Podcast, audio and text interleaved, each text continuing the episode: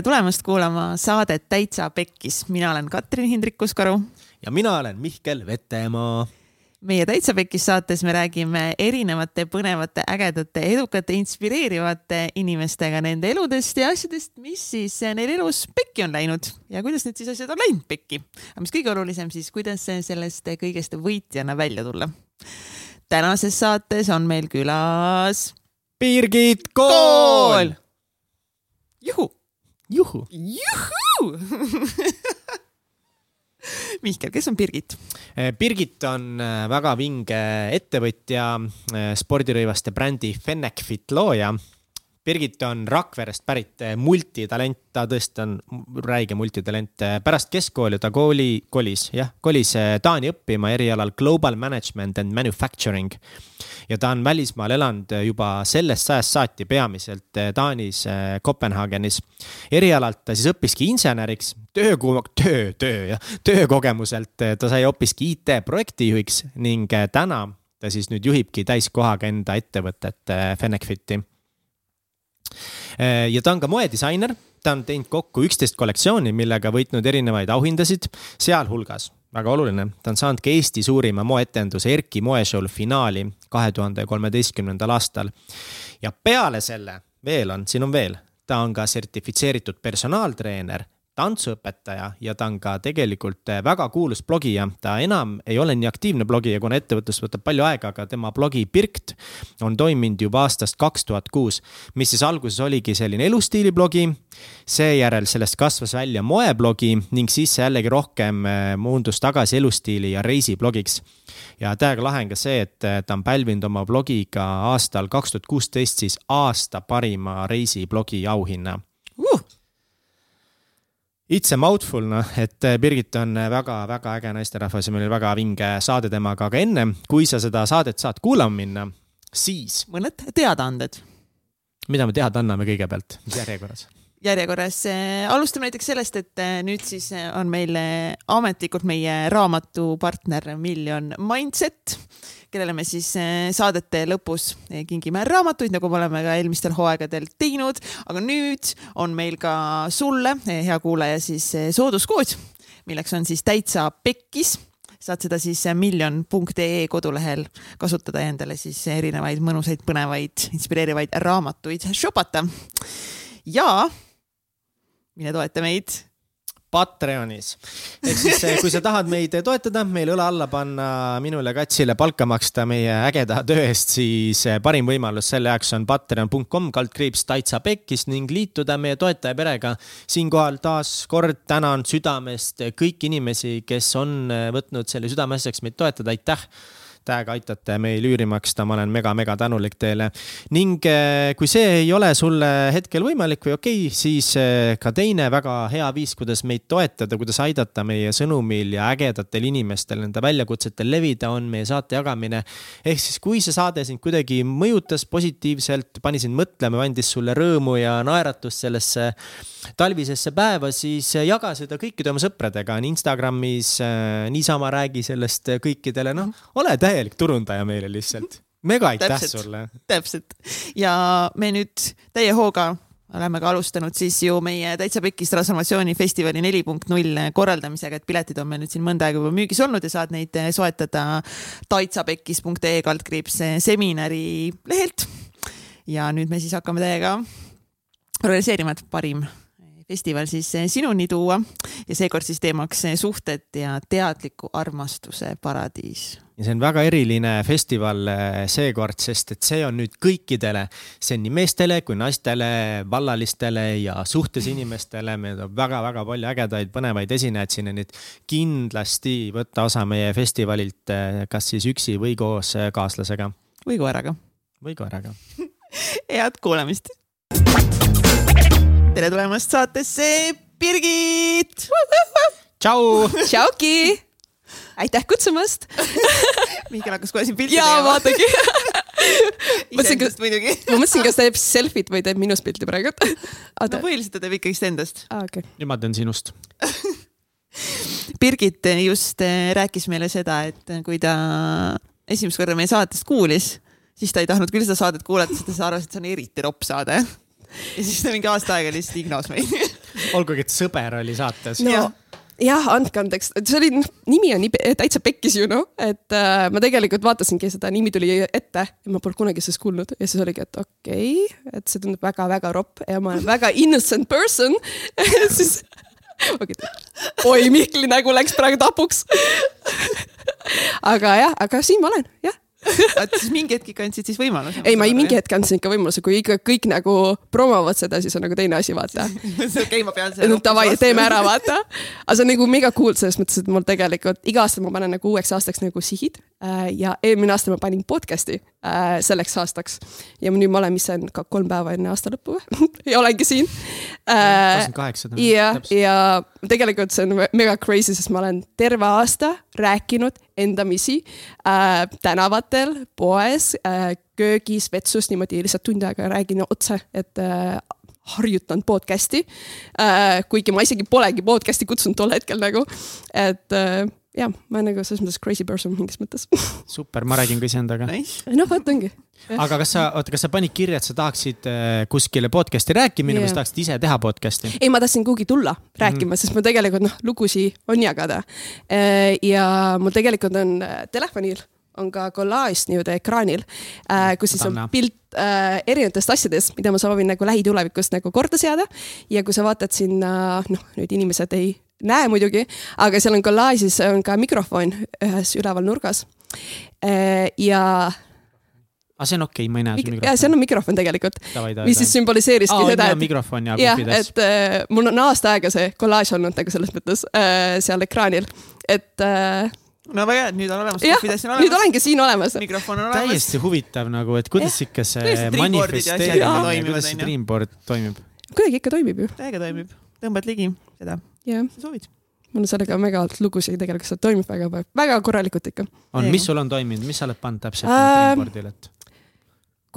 nüüd ma panen kohe hüppan nagu sügavasse te- teemasse muidugi, aga eelmine aasta panin ka kirja selle, et äh, leida endale investor enda firmasse. Ja mu firma oli tegelikult noh, ütleme niimoodi hobiprojekt täielik. Ja ausalt, seal ei olnud mingit lootust, et mingi investor tuleb mulle projekti sisse ja nüüd siin siin kuus nagu saingi selle pakkumise ja mul ongi investor nüüd. et äh, noh, palju õnne. jah, aitäh, et selles mõttes, et nagu tulla täiesti, noh, ma ütleks, et nullist tegelikult ja tulla nagu siia kaheteist kuuga ja tegelikult mitte see, et ma mingi hullult otsisin investorit, tegelikult see investor tegelikult leidis mind, ma ütleks ausalt, et mm. -hmm. noh, see on võimalik. Aga vaata, see on huvitav, mis sa just ütlesid, et, et tulla nullist nagu siia, kus sul Jaa. täna on investor kaheteist kuuga, siis tegelikult sinu lugu moe tegemisest, eks ole, see Jaa. goes way back. ja, ja et äh, nullist ma ütleks pigem nagu hobiprojektist firmasse mm. -hmm. nii-öelda, et selles mõttes, et äh, see Fennikvit on tegelikult väga olnud, noh, ma nüüd Fennikviti, Fennikvit ühesõnaga on spordirõivaste bränd, mis ma olen teinud tegelikult väga pikalt äh,, mis ma olen teinud nüüd äh, neli aastat tegelikult olen teinud. Ja siis aasta nagu nii-öelda planeerisin seda ja siis äh, kolm aastat nüüd ma olen tegelikult teinud seda kui hobiprojektina. Enda magistri kõrvalt, tööde kõrvalt ja kõike niimoodi.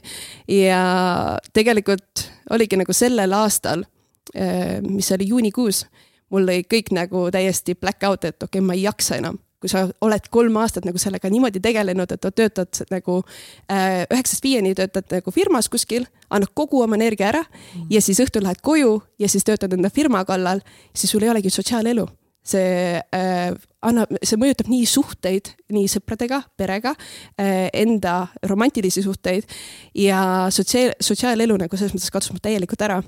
et äh, ma ikkagi täielikult nutsin kuskil tänavatel, Taani tänavatel, ma ei tea, mida ma eluga peale hakkan. aga see tuligi mulle meelde, et äh, sa ei saa sajaprotsendilist äh, tulemust oodata, kui sa ise ei anna sada protsenti. ja tol hetkel ma lõpetasingi töö ära ja noh, olen siin ja selles mõttes, et noh, tulles sinna küsimusele tagasi, mul, mitte mulle reeglid kehti, aga eh, et ähm, selles mõttes, et äh, ma tulin nagu hobiprojektist, tulin välja, et eh, pannagi kogu energia sellele firmale ja tegelikult sellest ajast saati, kus ma nagu tulin sealt töölt ära, tegelikult on firmas nii palju asju muutunud, et see viimased pool aastat on lihtsalt hullupöörased minu jaoks olnud, et äh, jah, see on ikka, ikka väga palju toimunud, toimunud. mis, mis tööd sa tegid siis samal ajal? Äh, ma sattusin, see on muidu väga naljakas selles mõttes, et äh, mu hobilt olen ma moedisainiga seotud, siis erialalt olen ma logistikainsener äh, ja siis äh, äh, professionaalselt olen siis IT-projekti juht ja millega ma tegelesingi IT-projekti juhiga, juhina. ja see on nagu naljakas, sest ma pole tegelikult selles valdkonnas absoluutselt olnud ja olla kuskil IT-osakonnas, vaadata koode, mitte ma koodin, koodin ise, ma ise arendaja ei ole nagu, aga selles mõttes ma olen nagu hästi palju arendaja, sellepärast ongi moedisain ka väga palju mulle huvi pakkunud, et ma saan ise nagu arendada seda. et äh, jah, sattusin sinna, mis tuleb väga palju kasuks tänapäeval, ütleme nüüd et äh, jah. kuidas sattusid IT-projekti juhiks ähm,? kuidas ma ütlen äh,, ühesõnaga bakalaureuse ajal oli see, et ma pidin minema äh, praktikat tegema et mu bakalaureus on äh, selline nagu äh, nimetus on siis global management and manufacturing, mis on muidugi naljakas lugu selle juurde, et äh, ma kandideerisin sellesse alasse global management manufacturing niimoodi selle nime põhjal, see tundus nii fancy. tundus cool nagu jah? mega cool mis, oli noh. mis see ülikoolis, mis linnas? see oli Taanis, see oli Odenses, elasin. Odenses. Unse, Taani, Taani mõttes Unse. Unse. Uns, Uns. Unse ühesõnaga Unses jah, äh, ja ma elasin, äh, kolisin Taani ja see eriala tegelikult oligi global management and manufacturing ja kuna mu inglise keel oli tegelikult väga nullilähedane, siis ma sain aru, mis see global management, nüüd Mihkel vaatab suurte silmadega. Äh, ma sain aru mis see global management tähendab, aga ma ei saanud aru, mis see manufacturing tähendab. Ja see oli nii naljakas, sest kuu aega enne, kui ma pidin kolima Taani, ma käisin eh, inimeste nagu ringi, käisin eh, sõbrad sõbrale, et mis see manufacturing tähendab nagu. siis ütles, et tähendab tootmist. okei okay et okei okay,, väga tore, siis guugeldasin nagu, mis see manufacturing tähendab, jälle, sest ma unustasin kogu aeg ära nagu ähm,. ja see oli nagu ja siis noh, okei okay,, siis sain lõpuks aru, et mida ma siis õppima lähen, vaata.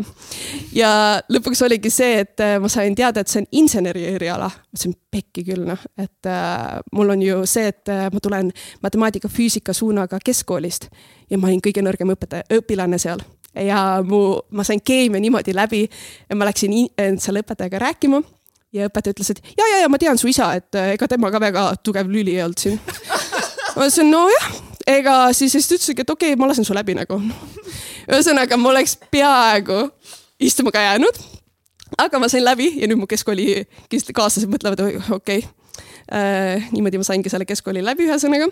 Nad on äh, mõelnud, nad on mõelnud kõik need aastad, kuidas. kuidas kurat Birgit sai läbi, noh, tegelikult noh, jah, mu keskkooliga ikka teine lugu üldse.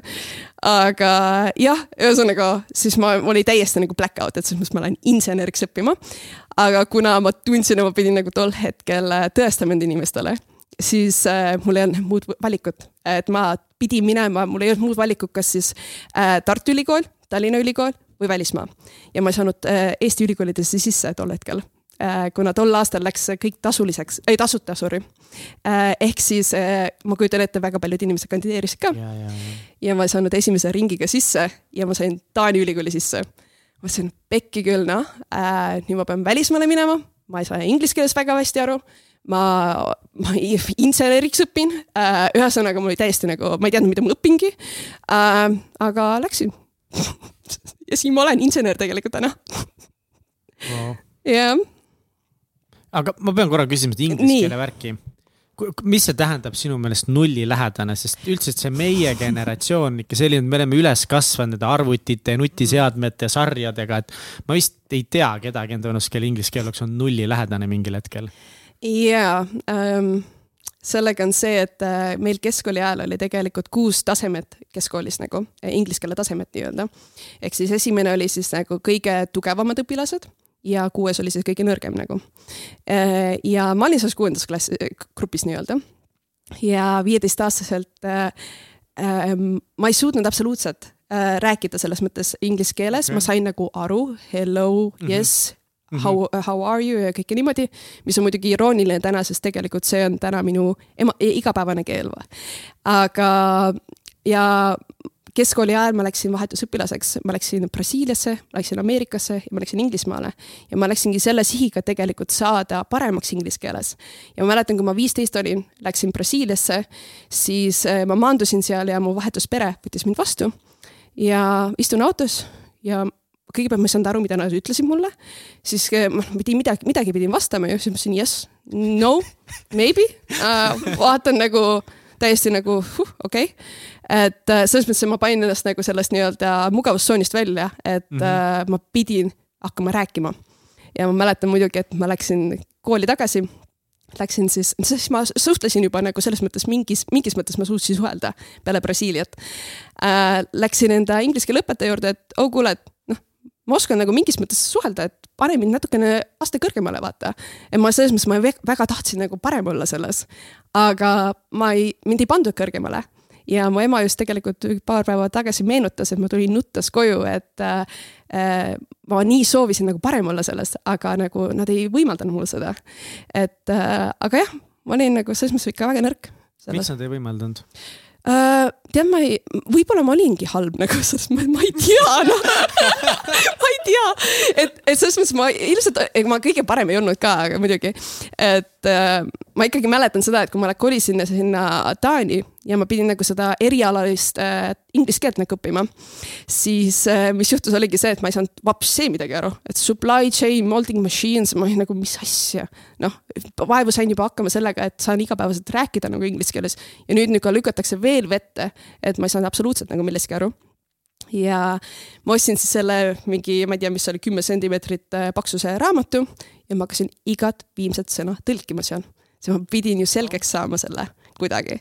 et äh, mul ei olnud seda varianti, et ma tulen Eestisse tagasi, sest ma ei tahtnud näidata, et ma ei saanud hakkama.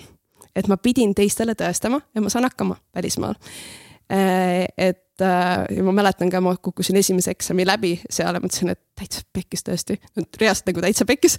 et äh, sest sellega on seal, et see, et kui sa teise eksami ka ei saa läbi, siis sa oled nagu jääd istuma nagu aastaks. ehk sa ei saa nagu enda erialaga jätkata ja mul oli õpetaja selline väänaja mulle, et äh, ma, mina ei meeldinud talle, ta ei meeldinud mulle, andke andeks ähm,. ja ta nagu vaevu, teine õpetaja siis see nii-öelda, kuidas ma ütlen, kõrval, kes istus nagu, et kaks õpetajat oli. see teine õpetaja ütles, et noh, anname sulle selle kahe kätte, saad läbi. ja siis see naine oli, et okei okay noh, saad läbi seekord. sest tegi, noh, selles mõttes, et äh, ma sain vaevu, vaevu eeri sain nagu selle esimese semestri läbi, aga sealt läks nagu paremaks juba mingis mõttes ikkagi. aga milline õpilane sa üldse koolis olid huh,? tahad sinna minna või et äh, keskkoolis äh, ma ütlen niimoodi, et tegelikult see on väga naljakas, sest keskkoolis ma olin üks nõrgemaid enda klassis ja magistris ma olin tugevamaid, et selles mõttes see muutus nagu aastatega väga palju äh,. aga nagu ma usun nagu megas sellesse ka, et äh, siin nagu sa paned energiat, sealt saad selle tagasi nagu tulemused nii-öelda ja tegelikult ma keskkoolis on ikkagi see kolme-neljaline äh, ja pigem nagu see tüdruk, kes enne tundi, tunni algust siis ma kirjutasin kodutöid teistelt maha. ja ja see oli nagu sellepärast, et ma ikkagi panin juba varasest east nagu rõhku siis enda karjäärile pigem. et äh, ma ikkagi, mis ma olin seal, äh, ma tegelesin modellindusega, blogimisega, moedisainiga, erinevad konkursid ja siis olin televisioonis, ajakirjades, noh, ühesõnaga kõik muu kui keskkool ja noh, hinnetes saab seda näha kah, ütleme nii. ja mis on muidugi televisiooniga on see naljakas, et ma osalesin Unistuste agentuuris. ma ei ole näitlemisega üldse sõber. Äh, ma osalesin Õhtusöök viiele, see on mu kõige suurem ebakindlus olla köögis. Äh, et selles mõttes ma olen nagu varasest east nagu pannud ennast nagu ebamugavatesse olukordadesse, et äh, õppida ja areneda. aga jah, et selles mõttes ma ei pannud keskkoolile väga palju rõhku aga baka läks hästi ja magistrist läks meeletult hästi, väga hästi. sest sa hakkasid sinna energiat aega sisse yeah, panema? ma ütleks küll ja nagu ma sain nagu, lõpuks ma noh, selles mõttes see eriala valik oleks no megalt täppi et see on nagu, aitabki mul tegelikult mu firmat praegutega väga palju, sest see on supply chain ehk siis tootjatega, logistika ja kõigega sellega seotud. ja kuna mul on moedisaini firma ja tootjatega seotud, siis noh, tegelikult on põhi all mul Mm -hmm. et äh, see oli küll ups eriala, aga. aga kas ta oli ka ups? jah, kas oli ka ups nagu jah, täpselt ongi, et äh, väga hea ups oli, et äh, jah.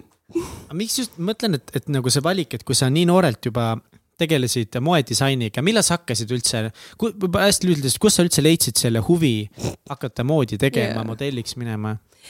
moodi tegema mm. -hmm.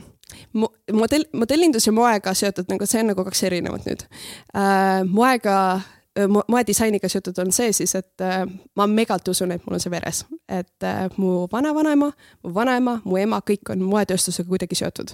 et äh, mu ema õmbles juba noorest peast mulle riideid selga, tegeleski õmblemisega, kõige muuga. ja kuna ma olen nagu see, kes nagu võtab reaalselt kõigest osa, noh reaalselt ma kandideerin igale poole, äh, eriti kui ma olin nagu selles noores eas, siis äh, koolis oli selline plakat nagu moedisaini, kuidas ma ütlen, konkurss nagu. ja siis ma mõtlesin, no davai, teeme ära. Äh, helistasin emale ja mu ema kusjuures kardab, kui ma helistan, et mul on idee. mu ema juba ah,, okei okay hästi, et mis nüüd, ma ütlesin, mul on selline, selline moeetendus on, okei okay,, et selles mõttes, et noh, nad on nagu alati mul, mind toetanud, et respekt minu vanematele, nad on viinud, toonud mind tantsimast äh, moedisainidele, üritustele, andnud autosid, maksnud, mitte raha nagu tähtis oleks, aga selles mõttes, et ikkagi kulu on aga, ja oligi nagu mu ema on nagu tegelikult moedisainiga, nagu ma mainisin, seotud, siis ta ütles davai, teeme ära. ja tegelikult noh kui päris aus olla, siis eks tema õmbles võib-olla esimese kollektsiooni kõige rohkem äh,. ma pigem nagu andsin pedaali, vajutasin pedaali alla seal, aga saime hakkama ja sealt nagu see pisik tuligi sisse tegelikult, et äh, ja sealt on nagu rest is history kas sa siis ei mõelnud kuskil keskkooli ajal, et nagu tahaks selle valdkonnaga edasi tegeleda minna kuskile EKA-sse või midagi sellist kusjuures nagu seda on mul elus kõige rohkem küsitud, et miks sa EKA-sse ei läinud, miks sa ei läinud moetööstusega seo-, noh, õppima nagu et äh, mul oli nagu see põhimõte, et kuna ma tegin neid kollektsioone keskkooli ajal ja ma suutsin ise juba tegelikult õmmelda, ma sain sellest loogikast aru, siis ma ei näinud põhjust, miks ma pean selle eriala võtma endale. ma saan muidugi aru, et noh, detailid ja mis iganes, aga ausalt, mul ei ole kannatust nagu õmblusmasina taga, taga olla. et sellepärast mul ongi täna tootja ja õmblejad, et äh, ma lihtsalt lähen nagu mul ei ole kannatust lihtsalt. Aga moedisain, seal on mingeid muid asju ka ju, mitte ainult tõmblemine. ja, aga see oligi moedisaini tegelikult sa saad kursusena vaata võtta, ükskõik kus, võtadki, mis see on, paar kuud oled kuskil ära ja teed selle kursuse ära ja saad mingi põhja alla. Et ma ei näinud, et ma pean olema seal kolm, kolm aastat või mis isa, iganes lisaks vaata. et ma nägin nagu rohkem kasu sellest mu bakalaureuse erialast, et ma nagu ei teadnud vapse sellest midagi, et selles mõttes tuli rohkem kasuks mulle seal tol hetkel ja siiamaani. nojah, ennast mitmekesisemaks teha või? jah. päris hea plaan tegelikult kirju olla. sa juba jah, oled juba nagu milleski hea, vaata. jah. palju sa oled võitnud mingeid moeüritusi? Mm, no ikka siin ja seal olen võitnud jah, äh, mis on, ma olen kaksteist kollektsiooni teinud ja kaks nendest on siis, kuidas ma ütlen äh,, tava igapäevaelu kollektsioonid ehk siis rõivad, mida sa saad iga päev kanda. Äh, ma tegin moeetenduse Eestis ja Taanis ja müüsin need kollektsioonid maha. ja siis äh, tegin veel kümme loovkollektsiooni, mis on siis nagu ütleme nii, et sa ei läheks võib-olla toaski välja nendega mu meelest kõik need moed, etendustel on alati siuksed riided. jah, ütleme, et see on väga loov kollektsioon, ütleme niimoodi.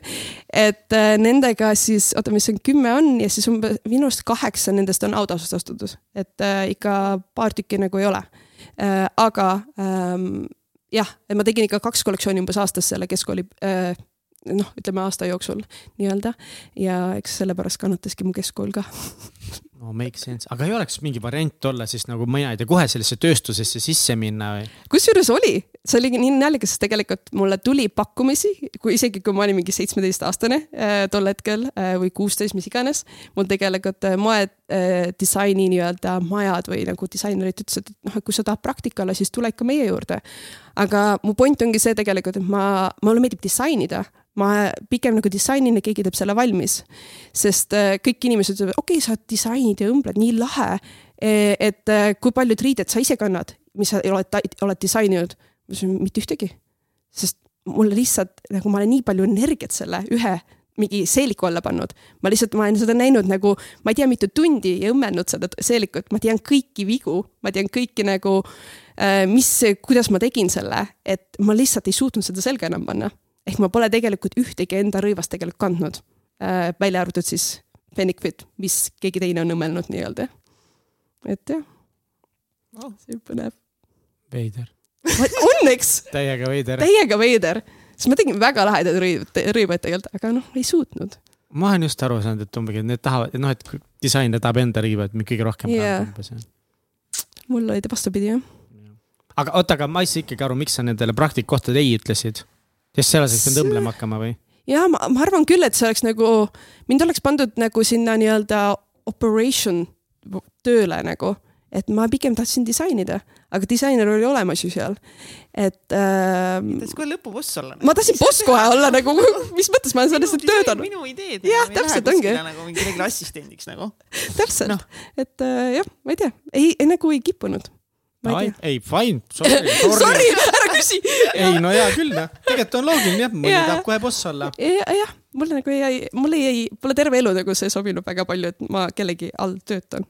aga kuidas see Taani kolimine ja Taani eluga ümberharjumine sul üldse läks?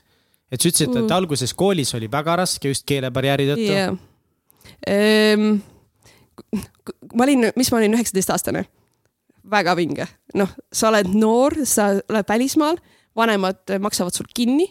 Selles mõttes ma ei saanud kohe tööle ka seal, väga raske oli saada tööle ja tegelikult oli väga cool, sest ma tulin nagu sellest eh, igapäevaelust välja siin Eestis vaata. Ja kõik oli väga uus, et eh, nüüd mul ongi elu välismaal kuskil ja niimoodi kõike. Aga raske oli selles mõttes, et noh, ikkagi vanematel oli nii suur lisakulu igakuuse.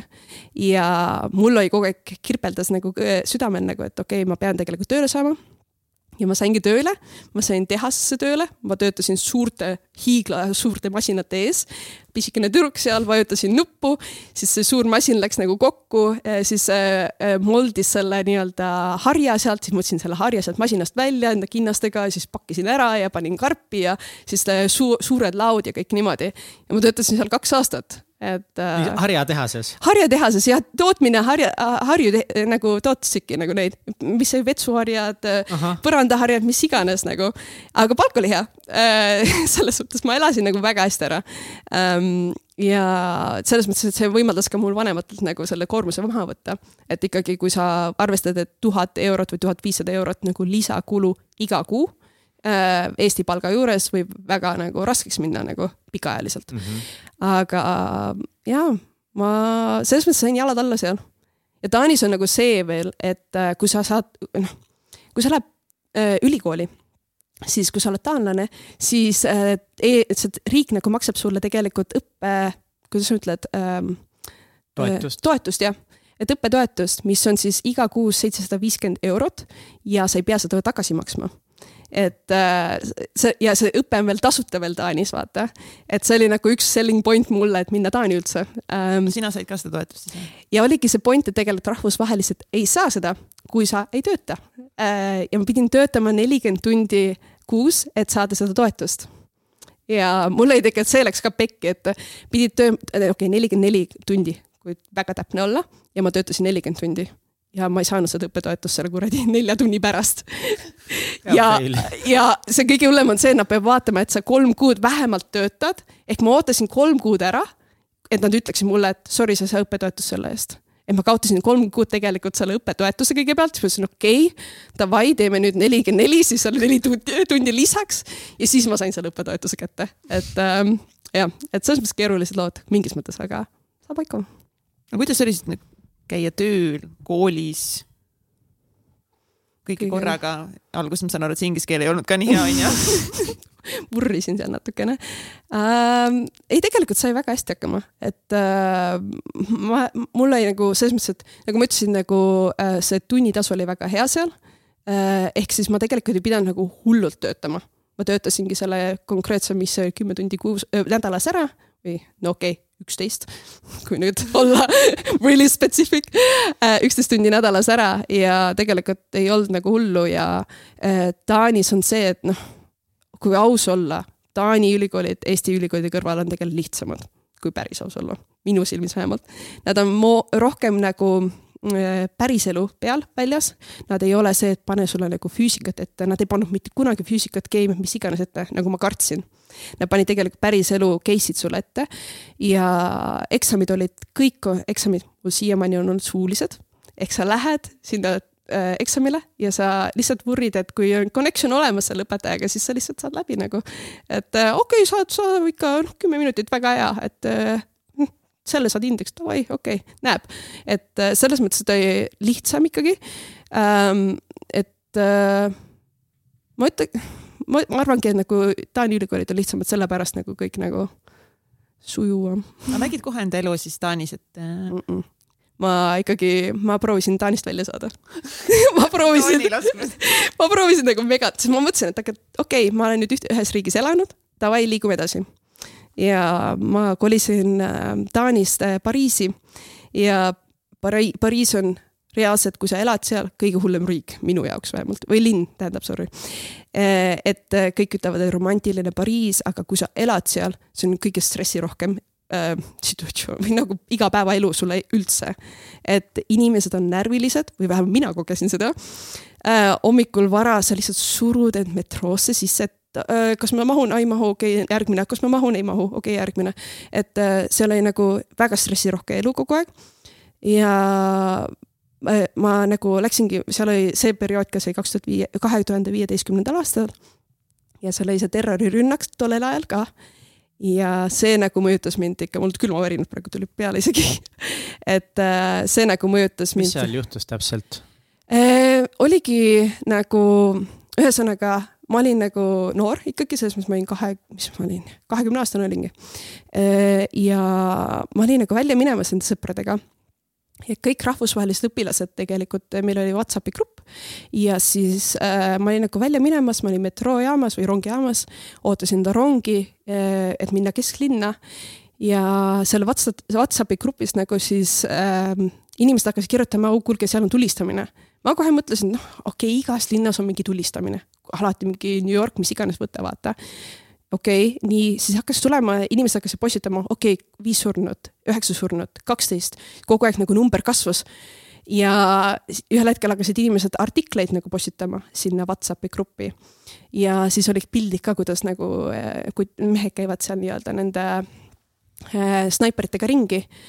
ja mul, ma olin seal rongijaamas, ootasin rongi ja ma vaatasingi seda ekraani ja vaatan, okei okay, äh, rahulikult, samal ajal mõtlen peas, kõnni nüüd rahulikult siit äh, rongijaamast ära, sest sa ei tea, kes siin rongijaamas hetkel on äh,. vaatasin, tõstsin pea ülesse, vaatasin inimesi ümberringi ja vaatasin, põhimõtteliselt proovisin vaadata, kas keegi nendest võib võtta nagu praegu relva välja.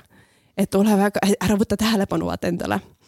ja mul nagu tõmbas täiesti nagu plokki ära, et kõndisin rahulikult metroojaamast ära ja siis jooksin äh, koju ja see oligi nagu äh, see õhtu oli muidugi väga crazy nagu. Äh, ma helistasin muidugi vanematele, davai, ma tulen koju, ma ei, ma ei su-, ma, ma, mis asi see on nagu. ja ma elasin äh, niisuguses kahekordses äh, majas, ütleme niimoodi. Enda parima sõbrannaga olime siis esimesel korrusel ja see oli nagu suur tuba. India mees elas üleval korrusel. ja siis esimesel korrusel olin siis, mul oli, see oli nagu suur tuba ja kaks voodit oli seal. ja niimoodi, et sa äh, aknast, kui kõndisid mööda, siis sa tegelikult nägid tuppa sisse mm. -hmm. ja minu voodi oli niimoodi, et äh, pea koht oli niimoodi, et sa tegelikult aknast võiksid näha mu pea kohta. ja ma olin nii hirmul, et ma muutsin enda peakoha niimoodi, et sa ei näe mind aknast pea kohta, siis ma mõtlesin, et kui keegi läheb mööda, tulistab, siis ta tulistab vähemalt mu jalgu. et mul läks nagu nihukene matemaatika käis peas ringi nagu, et äh, see, see nagu pani nagu täielikult plokki mul Pariisi tegelikult ette. et äh, see võttis väga kaua mul aega nagu sellest edasi tegelikult liikuda et.... ma just vaatan mingit äh, postitust ka, et äh, või mingit uudist, see oli kaks tuhat viisteist oligi. kaks tuhat viisteist jah. jah, Pariisi rünnak hukkus vähemalt sada kakskümmend üheksa inimest. jah, et see oli ikka. mis nad sealt tegid, lihtsalt tulistasid kesklinnas inimesi või olid mingid pommid ka või? olidki, kesklinnas tulistasid inimesi, et see oli nagu, mis see oli, viies erinevas asukohas vist oli yeah.. ja tulistasid kesklinnas, läksid kontserdimajja. ja. jah, kontserdimaja mm -hmm.. jah, et äh, seal ikka korralik selles mõttes oli. ja noh, see oligi nagu, mina ei julgenud kodust välja enam minna. Äh, ja mul tuli reaalselt, sõbrad tulid mulle ukse taha, davai Birgit äh, ja ma ütlesin, et lähme sellesse sündmu-, sündmuskohale, siis ma pean sellest hirmust nagu üle saama kuidagi, et selline asi juhtus. et noh, ma lootsingi, et noh, vaatan silmitsi, kuidas noh, mis iganes see sündmuskoht on, et noh, saan üle kuidagi Mm -hmm. ja ma läksingi sinna, ma värisesin üle keha ja nägin, noh, see oli ikka crazy nagu, mis seal kohapeal nagu toimus tol hetkel. et kuidas noh, inimesed, selline lein oli terve, terve linn oli leina täis nagu ja, ja mul tegelikult aastaid hiljem ma ei läinud üheski riigis ma ei läinud kontsertidele, ma ei läinud su-, noh, rahvarohkestesse kohtadesse. ma olin nii kindel, et Taanis juhtub midagi äh,, isegi kui Taani on üks turvalisemaid kohti Äh, siis ma vältisin suuri tänavaüritusi, karnevale ja kõike niimoodi, et ma olin ikkagi suures hirmus. Et ähm, jah, selles oli nagu väga suur, noh, selles mõttes ma olen nüüd üle saanud, et noh, see on ka, mis on nüüd kaks, kaks, seitse aastat hiljem või. miks sa arvad, miks see mõjutas sind nii palju? kind-, see on loomulikult, see on väga kohutav asi, mis juhtus mm., aga see nagu mõjutas sind kuidagi ekstra palju. ma ja ma, ma kardan, mulle ei meeldi nagu vägivald Äh, ma, ma olen nagu trauma sellest mingis mõttes saanud sellest, äh, et äh, mitte, et mul elus midagi hullu on toimunud, aga mul, ma, mulle ei meeldi, kui inimesed karjuvad üksteise peale või et ma hakkan kohe kaitsma inimesi ja kui keegi peaks rahvarohkes kohas, kõik hakkavad karjuma, siis ma lihtsalt, ma lähen paanikasse. mulle lihtsalt lööb plokki ära täiesti, et jah. kust see tuleb, kust see pärit on, mis juhtus? sinna detailidesse väga palju me ei hakka laskuma, aga noh, selles mõttes, et ikkagi nagu perest on nagu väga palju kaasa tulnud, et kui äh, mingid, noh, igas peres on nagu mingid tülid ja niimoodi mm. -hmm. aga ma olingi, ma olen selles mõttes kõige noorem peres, et kui mingi tüli on, siis ma olen ikkagi vahele läinud igale poole. ja sellest on nagu tulnud, et kui keegi tõstab häält, siis ma ikkagi lähen vahele ja kogu aeg olen see lahutaja. Ehm, et ma arvan, et nagu see hääle tõstmine on nagu minule nagu täielik I cannot et see on nagu bad energy, ma I m walking away mm, -hmm. et äh, jah ja siis tundus, et justkui ei ole kontrolli asjade üle, onju. jah, seal ma kaot-, kaotaksin kontrolli totaalselt, vaata, et äh, kõigepealt on see ja kõigepealt on siis see noh, hääl ja mis iganes, et äh, möll ja niimoodi. et ma kujutasin nagu endale ette, ma olen hästi visuaalne inimene, ma hakkasin ette kujutama, mis juhtub, kus ja niimoodi mm.. Mm. siis, siis mind ei üllata et sa kuskil nagu ei läinud, vaata. jah, põhimõtteliselt, et äh, jah, et see. kuidas üle said siis lõpuks sellest? noh, aeg tegi oma töö, ütleme nii, et ma ikkagi mingil hetkel ma pidin panema ennast välja, vaata. et äh, lõp lõpuks muidugi noh, need terrorirünnakud olid tegelikult üle maailma mingil perioodil nagu lühikese perioodi vältel ähm, ja sellel ajal ma eriti nagu vältisin neid äh, üritusi, mis iganes. et lõpuks see vajus ära ja selles mõttes see nagu rahustas mind ka maha, et noh, äkki siis nad on kadunud, ma ei tea ühesõnaga ma rahustasin ennast kuidagi selle noh, vältel vähe maha nagu jah. et jah. aga kaua see aega võttis? kontserditel käima. ja nüüd ma, no ikka võttis aastaid. aastaid ikka? ja, ja, ja see, seda nad tahavadki, sest tegelikult nagu noh, selles mõttes, et see on kole, mis nagu juhtus, aga, aga mm. nagu päris kui sa võtad päris kahju nagu, kui palju terroristid kahju loovad yeah. surmades ja mingis materiaalses väärtuses, see on nii väike yeah., see on nii tilluke. aga see hirm, mis nagu tekib justkui nagu, samas, et ongi mingi rong paneb kuskile metsa mm., saab kolm korda rohkem inimesi surma ja järgmine päev kõik sõidavad rongiga edasi yeah,. no ikka, samas noh, selle peale sa võid ka veits mõelda järgmine päev rongi peale, aga noh, tegelikult yeah. ongi see, see terrorrünnakute puhul see hirmu paradoks ongi jah. nagu noh, see on ainuke võim, mis meil on, sest mingi terroristidel päriselt ei ole mingit võimu, et nagu maailma mingeid riike kukutada Täpselt, või midagi mõjutada. aga just see hirm, mis tavainimesel tuleb ja selle kaudu siis meie oma hirmuga mõjutame mingeid poliitikuid ja kuidagi, et see on see ultimate weapon neil, et ja. parim relv terroristi vastu ongi mitte karta neid, mis on hästi nagu noh, nagu loll asi või kõlab Just nagu veidralt öelda, aga tegelikult see ongi see, et lihtsalt tuleb aru saada, et nad ei ole tegelikult. seda ei võta võimu su üle nii-öelda. jah, see ei võta võimu üle et seda, noh, see võtab aega, ütleme nii. ma ei kujuta ette kui ma peaks kuskilt lähedalt kogema, et mida ma tegelikult. ja kui on... päriselt nagu oleks seal kohapeal olnud, sest tegelikult ma olin äh, minemas sinna piir, piirkonda, et see sündmuskoht oli tegelikult viis kilomeetrit minust, et äh, ma nagu tundsin, et okei okay,, ma olen selles riigis, ma olen nagu, see on nagu nii lähedal mulle, et selles mõttes, et ma ei olnud seal, aga kuidagi ikka mõjutas nagu see hirm nagu ma ei kujuta ettegi, et äh, jah, jah sa küll väga ei tahtnud sellest pereasjast rääkida, aga äh, kui palju sul muidu õdesid-vendasid on? vend on, üks vend on jah. üks vend on mm., okei okay,, nii et pigem nagu siis et mingid tülid nagu, mida sa tahtsid lahutada, pigem oli see vanemate vahel, mitte nagu õdede-vendade vahel? mitte õdede-venda, ma olen ainult õde, vaata, et täpselt. ma olen see kukununni olnud tegelikult peres, et ma olen noh ma, ma pole probleeme üldse vanematele teinud, äh, ma pole mind purjus näinud, nad pole midagi, ma pole, ma olen täiesti nagu kukununni olnud. no jaa, siis sa oled olen... täitsa pekkis on ropp saade nagu. jaa, see nagu täpselt ongi. et noh, kui noh, et oleks meil täitsa no ja, mingi muu, muu nime, siis, siis oleks vist ära minestanud Birgit seal. kes sellel küll ei tule. et. Valjo Küts ei ole mu sõber enam. selline tunne, ma olen nagu nii kukununni siin, aga jah. täiega nunnu jah ja ega vend on jah, et äh, ta on nagu seiklusi teinud elus. ütleme nii. tema oli see paha nagu? ei, ei, ta on. mitte paha, oot, oot, oot. tema see, kes korraldas sekeldusi ühesõnaga nagu. talle meeldivad seiklused, ütleme nii jah, rebel ja mul on, mul on vennaga samamoodi nagu, et mina nagu pigem nagu õppisin ülikehvasti. ema-isa mm. kogu aeg pahandasid minuga, et mida sa nii kuradi sitast õpid ja, ja noh, mingeid pidusid, asju tegin ja siis väike vend nägi nagu seda pealt just kooli põhjal no kõige rohkem yeah., et ma olin kooli hästi hea õpilane. ema-isa olid pahased selle peale, vend nägi kõrvalt, et oi, plää, ema saab nii kurjaks, kui on yeah. eesti keel kaks ja siis vennal tekkis kohe see, et oh my god, ma pean mega hästi õppima yeah.. ja esimesest klassist peale kohe nagu must ainult kõik viied okay.. sest ta ja, ja nii nagu kohe kartis, et kui midagi jääb tegemata, ta läks nagu jumala paanikasse sellest näiteks. no vahepeal no. ta oli ka mingi unustas ära mingi koolitöö või mingid, aa issand, meil on homme mingi, ma ei tea, mingi kuradi müts on käsitöös, vaata ja mul läks meelest yeah. ära, ta läks kohe paanikasse sellest no,, sest ta kartis, et nagu saab pahandada. jah, ega see perest pere nagu mõjutab ikkagi väga palju, et aga ei, mul on nagu väga imeline pere olnud, selles mõttes, et nad on, mu ema on, ema-isa on nagu koos elanud äh,, mis on kolmkümmend seitse aastat nüüd äh,, et äh, mul alati kõike võimaldatud, et äh, noh, seiklused vahepeal tulevad, siis see, see on ka kõik. oota, aga sa ütlesid, et, et vanemad ei ole kunagi näinud sind purjus peaga nii, et kas mm., kas sa nagu päriselt ma viisin kõik. Taani et ühesõnaga enne Taani, et sa päriselt olidki nagu siis nagu hästi eeskujulik viisakas.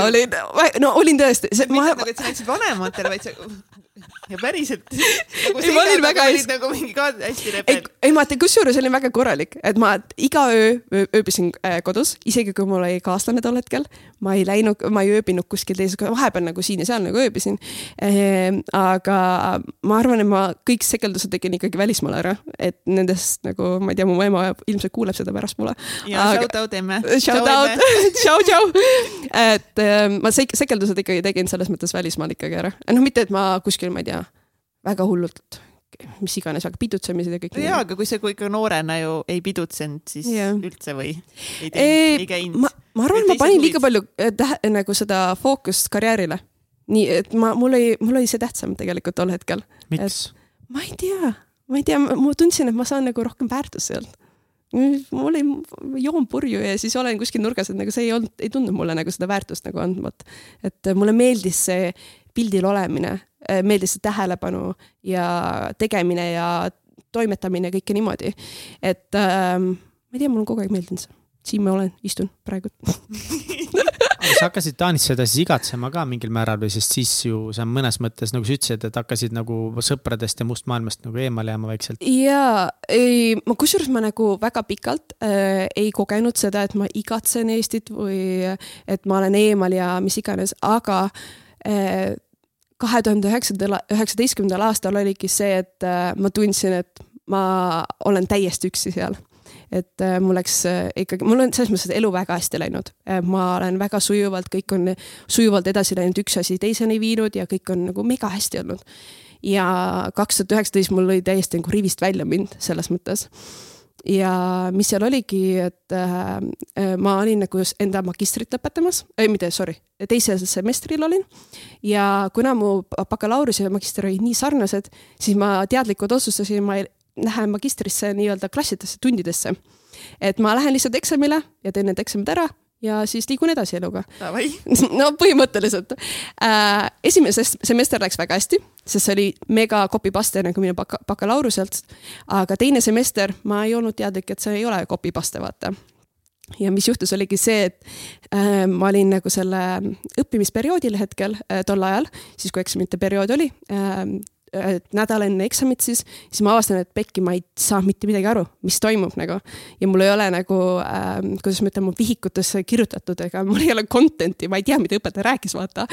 ja ma hakkasin nagu megalt õppima see nädal aega enne eksamit äh,. aga mul olid lümfisõlmed olid äh, kerge paistes juba aastaid Äh, ja tol hetkel, ma ei tea, stressiga mul oli lihtsalt lümfisõlmed nii paiste, need olid reaalsed äh, sõrmeotsa suurused ja hakkasid valutama mul ja ma mõtlesin, okei okay,, ma teen need eksamid ära, et lähevad alla-tagasi, et see on stress ja mis iganes, aga mul ei läinud need alla. ja ma olin nagu okei okay,, see on nagu alarming, okei okay.. Äh, ootasin ja ootasin, ei lähe alla et äh, läksin siis perearstile, et okei okay,, mul on sellised asjad, et lümfisõlmed kaela peale kubeme piirkonnas. et no täiesti nii suured kui, ma ei tea, mega suured noh. Äh, ja siis katsuvad ja siis ütlevad okei okay, homme lähed sinna. ma ütlesin okei okay,, see oli küll nagu mega quick. okei okay,, lähen siis äh, haiglasse, võtavad, ma ei tea mis oli kakskümmend veri, vereproovi äkki, hästi palju äh,. siis võtavad vereproovid ära, siis viidakse ühest osakonnast teise, äh, viidi mind skaneerima, ma ütlesin okei okay,, noh, väga tore, et hoolitsete mu eest, vaata. põhjalikult. põhjalikult ikka nagu kohe laks, onju. Ja siis käisin erinevates skaneeringutes, käisin see tavalises ja käisin ka see, ma ei tea nüüd, mis see inglise keeles isegi on või eesti keeles, see masinasse pandakse põhimõtteliselt sisse mm. -hmm. ja äh, süstiti midagi ja niimoodi, et jah, ühesõnaga, ma ei tea, ühesõnaga midagi tehti minuga ähm,. ja nagu siis heli-, noh, läksin kõik, et mõtlesin, okei okay,, normaalne uuring ja niimoodi. ja siis mulle helistati, et äh, okei okay,, tulge vastustele järgi esmaspäeval, aga kas sa saad võtta kedagi endaga kaasa? ma olin nagu okei okay,, milles probleem on nagu, et miks nagu ütles, et ja me, ma ei tea, kas keegi on sulle öelnud, aga me uurime äh, teie hai, äh, vähki, et äh, lümfoomiat. ma, et okei okay,, mul oli täiesti pläkki, ma pole vanematele öelnud, et mul selline olukord on, sest ma teadsin, et kui ma ütlen, siis nad hakkavad, okei okay,, hakkame autot maha müüma, mis oligi pärastpoole tuli välja, et nad tahtsid kõik ravi kinni maksta ja põhimõtteliselt ma oleks neid lohutanud rohkem, kui nad mind oleks lohutanud. ja ma ei öelnud vanematele midagi ja tol hetkel ma sain aru, kui üksi ma tegelikult olen välismaal. ja mul oli kaaslane, tol ajal kaaslane ja siis see kaaslane tuligi, et ma küsisin talt, et kuule, et mul paluti nagu kedagi kaasa võtta, et kas sa tuleksid kaasa minuga. Ja ma olen väga halb küsija nagu selles mõttes. okei okay,, enda kaaslase küsida, aga ei saanud, okei okay.. aga küsisin, tuli kaasa ja sealt öeldi, et noh, nende uuringute põhjal ei, ei leitud midagi. ma ütlesin, okei okay,, väga hea, okei okay,, siis kõik on korras, on ju. ta ütles, et ei äh, me peame lõikama sul äh, lümfisõlme välja. ma ütlesin, okei okay., mis see tähendab? see tähendab, et homme kell seitse äh, tule haiglasse äh,, lähed operatsioonile. ma ütlesin, okei okay., et äh, mul jälle külmavärinad peal äh,. ja see oligi, ma olin nagu alati see, et ma olen nii tugev, ma suudan ja ma hoidsin kõike seda endas, et äh, mis oligi, et äh, järgmisel päeval siis kell seitse ma isegi ei nutnud kordagi enda kaaslase ees. Äh, ma hoidsin nagu, noh, kõike hoidsin endas, ma ei suutnud talle näidata, et ma olen nõrk. et äh, see on muidugi teine teema, et ma nagu ei suutnud talle näidata, kes ma tegelikult olen. Ja oligi kell seitse hommikul, võtsin ta jalgratta, sõitsin haiglasse. et kuna Taanis sõidavad kõik jalgrat-, jalgrattaga jätsin selle jalgratta sinna, mind registreeriti palatisse sisse, Äh, järgmisel hetkel olin juba operatsioonilaua äh, ta- või selle ukse taga. Ja siis äh, ja mul lõi terve maailm kokku tol hetkel, et ma, ma olin täiesti, täiesti hüsteeriliselt nutsin seal, mõtlesin, et see ei ole võimalik ja ma siin olen kõigepealt. ma ei mäleta, kas selleks hetkeks võib-olla ma vanematele mainisin midagi juba, et selline olukord on. aga ma olin täiesti üksi seal ja mul oli kaaslast ja kes mu juures oli ja arstid olid imelised arstid et nad tõesti nagu lohutasid kõike ja kõik oli olemas. ja olin seal opilaual, et äh, siis oligi, mul pandi kate nagu ette, et äh, mul võeti kubeme piirkonnast, võeti nagu lümfisõlm välja äh,. aga ma olin nagu ärkvel tol hetkel. aga sellega muidugi see naljakas, et äh, ma olin nagu äh, olin nagu ärkvel ja siis noh, ma olin isegi selles mõttes, ma ei soovi, ei soovinud sellest mõelda ja mul oli õde ehk siis arst noh, oli minu kõrval, rääkis minuga samal ajal juttu ja siis eh, muidugi väga koomiline on see, et ta ütles, et noh, millega sa siis tegeled siin Taanis. ma ütlesin, et noh, mul on oma firma ja oi kui tore.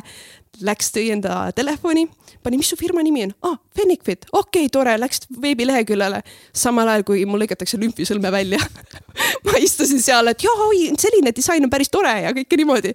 et selles mõttes imelised nai- äh,, arstid olid seal. teadsid, kuidas viia nagu mõtte jah, mõttemaailma ära nagu täiesti, täielikult ja siis muidugi pärastpoole oli see, et tahad lümfi, lümfisõlme näha, ma ütlesin no davai.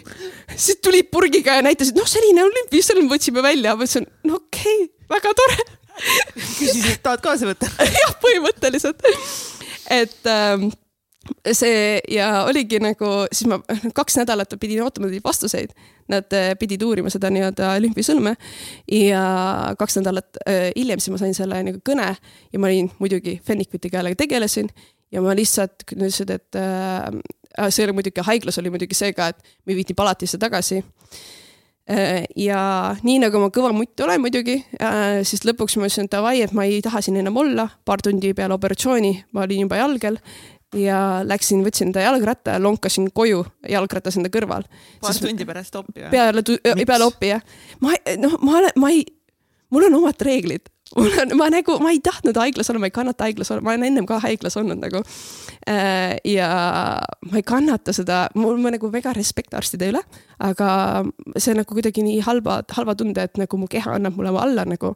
ja ma ei tahtnud enda keha ka süüdistada, et selles mõttes, et see on nagu protsess nagu. sa nagu veits nagu ei tahtnud tunnistada, et sa tegelikult ja. oled selles olukorras, kui sa tegelikult oled selles ja, olukorras. täpselt, ma ei tahtnud tunnistada seda ma selles mõttes, mis mõttes ma liigun edasi, vaata ja kõige hullem, noh, minu jaoks oli kõige hullem sellel hetkel oligi see arusaam, et tervis on esimesel kohal eh, et mul kõik tegelikult oleks tühistatud sel hetkel, mis oligi siis Fennikvitiga seotud, magister oleks pooleli läinud, ma pidin just eh, Barcelonasse kolima ja kõik nagu terve elu nagu clash'is kokku.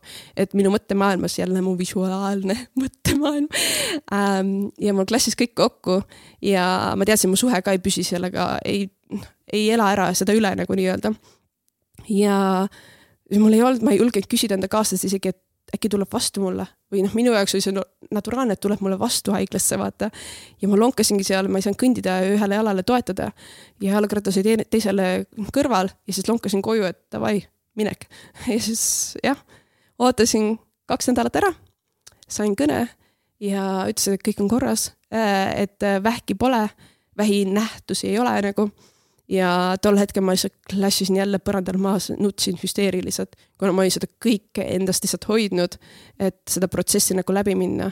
et äh, noh, üks asi on, et käid selle protsessi läbi, teine asi, sa näed inimesi, noori inimesi reaalselt tulemas sellest diagnostika tea- äh,, osakonnast ja nutavad. ja sa mõtled, mine pekki, minu kord on järgmine nagu. et ma pean minema nüüd selle arstiga rääkima. et mul on mega respekt inimestele, kes seda teekonda täiesti nagu otsast lõpuni käivad läbi. et ma ei kujuta ette nagu, see oli nagu selles mõttes, et äratas mind natuke, natuke üles, et tervis esikohale iga kell nagu, jah yeah. aga mis värk selle sinu suhtega siis nagu oli, et sa ütlesid, et sa ei, oma elukaaslasele üldse ei tahtnud näidata, et sa oled haavatav, et sa oled öö, õrn et ka, et noh, et sa ei tahtnud pisaraid nagu näidata yeah. seal niimoodi. miks seda kõik üldse kinni hoidsid tema eest? Äh, mul oli tunne, et äh, ta armus minusse või ta tuli minuga suhtesse selle imidži pärast. et äh, ma olin see sihikindel naine, kes teeb oma firmat, kes kogu aeg mingi saavutusi teeb ja ma ei julgenud näidata. kogu aeg särab. jah, kogu aeg särab ja kogu aeg on see esipildil ja kõike niimoodi aga ma mingis mõttes olen ikka introvert person, et äh, ma olen väga, ma, noh, kuidas ma ütlen, outgoing introvert person. ma võin sul olla inimeste seltsis, aga ma ei, pigem, pigem olen kodus, noh, ütleme ausalt ähm, ja see ei olnud nagu I didn't sign up for that nagu põhimõtteliselt selline tunne nagu äh,. ja ma hakkasin nagu ähm, adjust ima ennast, et äh, ma arvasin, et ta tahab, et ma oleksin see inimene ja ma hakkasingi see inimene aina rohkem olema ja lõpuks juhtuski see, et ma hakkasin enda saavutusi tema heaks tegema. et kui ma sain nagu personaalseks treeneriks, siis ma ootasin teda koju, et oh, väga põnev, et tuleb koju, siis ma hüppasin välja, ma olen personaalne treener, vaata. Eh, või te, ühte ja teist tegin ja ma ei rääkinud. kas ta siis kiitis sind või oli? ei, kiitis küll, selles mõttes, et ta väga toetas mind, et ta on imeline inimene selles mõttes et ma tegelikult tänase päevani ei tea, et äh, kui ma oleks näidanud seda kogu kõike nagu vaata, et kas see oli minus kinni või tegelikult ootaski seda. et äh, aga lõpuks oligi, et äh, ma tegin nagu kõike tema heaks lõpuks ja ma olin, selles mõttes ma, ma tundsin, et ma olen tegelikult obsess temast, et ma kartsin teda kaotada ja ma kartsin võtta teemasid üles mingi tulevikud plaanide suhtes nagu. siis ma mäletan, ma mingi äh, pere teema võtsin ülesse ja ta nagu plahvatas selle peale. ma ütlesin, okei okay,, ma siis seda ei võta enam ülesse ja ma nagu ähm, ignoreerisin teatud teemasid temaga. ja ta nagu selles mõttes toetas mind kõigega ta oli, tänase päevani me oleme sõbrad, et ta toetab tänase päevani mind eh, ja tänase päevani ta on selles mõttes, et enda firmaga, ma helistan talle, et oh kuule, mis ma teen sellega, ta ütles, et okei okay,, tee nii, vaata. ja siis oligi mis mul juhtuski kaks tuhat üheksateistkümnendal aastal oli see teine asi oligi see, et ma kolisin Barcelonasse ja tema pärast põhimõtteliselt ma ei kolinud Barcelonasse, kuna ma kartsin, et ta jätab mu maha. sellepärast ma lähen kolmeks või neljaks kuuks ära ja siis ma proovisin nagu ennast äh, kinnitada, et oh kuule, see ei ole okei okay, nagu, et kui ta ei suuda sind oodata kolm-neli kuud, siis see ei ole see suhe sinu jaoks, vaata. ja oligi nii, et ma kolisin Barcelonasse. Barcelonas mul läks ka mingi noh, ma ikkagi kaotasin selles, selles mõttes ennast täielikult ära. ma ei olnud äh,, mul äh, noh kui välismaa teemast rääkida, siis äh, oligi, mu kaotasin enda koera Eestis ja ma ei saanud äh, Barcelonast nagu päevapealt nagu lennata Eestisse ja olla siin olemas ähm,. ja siis ma olin nagu Barcelonas seal jälle üksi. mõtlesin, okei okay,, saad hakkama jälle, teed endale teed talk'i nagu hommikul ma, vara, et kohvi kõrvale. Ja siis äh, kuu hiljem, kui ma kaotasin koera, siis ta helistas mulle, et oh kuule, ma tulen kahekümne neljaks tunniks äh, Barcelonasse. ma ütlesin, okei okay,, väga tore, kakskümmend neli tundi see on kahtlane. okei okay., ja panin nagu pildi kokku, et noh, tuleb minuga lahku, tule, ütle äh,, tuleb lahku minema, lahku minema jah. ja nii nagu ma kõva mutt jälle olen, ma ostsin ise pileti järgmiseks päevaks Taani ja lendasin Taani koha peale ja siis oligi äh,, läksime lahku ja nagu see nagu lõi mind nagu nii kildudeks, sest ma arvasin, ma abiellun selle inimesega. ma arvasin, ma olen terve elu selle inimesega koos. Ja ma mingil hetkel sain aru, kui, äh, kui palju ma kaotasin sellesse suhtesse ennast ära, sest ma tegin kõike tema heaks ja ma ei mäletanud enam sellel aastal nagu, millal ma naeratasin. Et äh, see läks nagu mega süngeks ära mul ja see, et ta ei olnud mulle toeks selle arstide visiitidel ja niimoodi, see nagu andis selle kinnituse veel ähm,. ja jah ja me läksimegi nagu selles mõttes, ma võtsin ikkagi, ma kolisin, läksin tagasi Barcelonasse ja Barcelona selles mõttes päästis mind mitmes viisis, et äh, ma hakkasin uuesti ennast nagu avastama, ma hakkasin äh, märkmikuid kirjutama ja tulema sellest ise nagu välja, toime ja välja tulema. ja reflektima hästi palju, et kes ma olen, mis ma tahan ja et ma avastasin nagu selles mõttes enda elu, end, end uuesti, et see oli nagu reborning, et see ju jah, selline crazy time minu jaoks et jah räägi veel nagu, sest et selles mõttes, et kas see kohe, kui te lahku ära läksite, läkski kergemaks siis sinu jaoks Barcelonas, et said, oh, märkmikud ja kõik on hästi mm. või kuidas see, kuidas see mõjutas sind see lahkumine? ma olin ikkagi selles mõttes, et äh, ütlen julgelt, ma olin poolteist aastat äkki temas kinni. et äh, mul ikka võttis see üleminek väga kaua aega äh,. ja noh see ongi nagu see, see on nagu tegelikult protsess nagu selles mõttes, kui sa avastad, et sa oled nagu obsessed inimesest siis noh, sa ähm, jah, sa, sa nagu loodad selle tagasi saada, aga mis ma nagu korrutasin endale, et I respect myself enough to walk away where I m not needed. et ma austan end piisavalt, et liikuda ära sealt ja ma korrutasin seda kogu aeg endale ja niipea, kui ta võttis telefoni, äh, helistas mulle, et davai, saame kokku, mis teed ju. siis ma olin, et sorry, ma ei saa nagu, et äh, ma nagu respect isin seda, selles mõttes ma ei läinud tagasi ja ei teinud seda haava nagu suuremaks. isegi oleks tahtnud täiega, onju? ja, noh, selles mõttes ma olen nagu human ikka nagu vaata, et ma ikkagi soovin nagu selles mõttes inimest tagasi enda ellu. Äh, et ta on mu elus hetkel veel, et aga ta on mu sõbrana elus hetkel.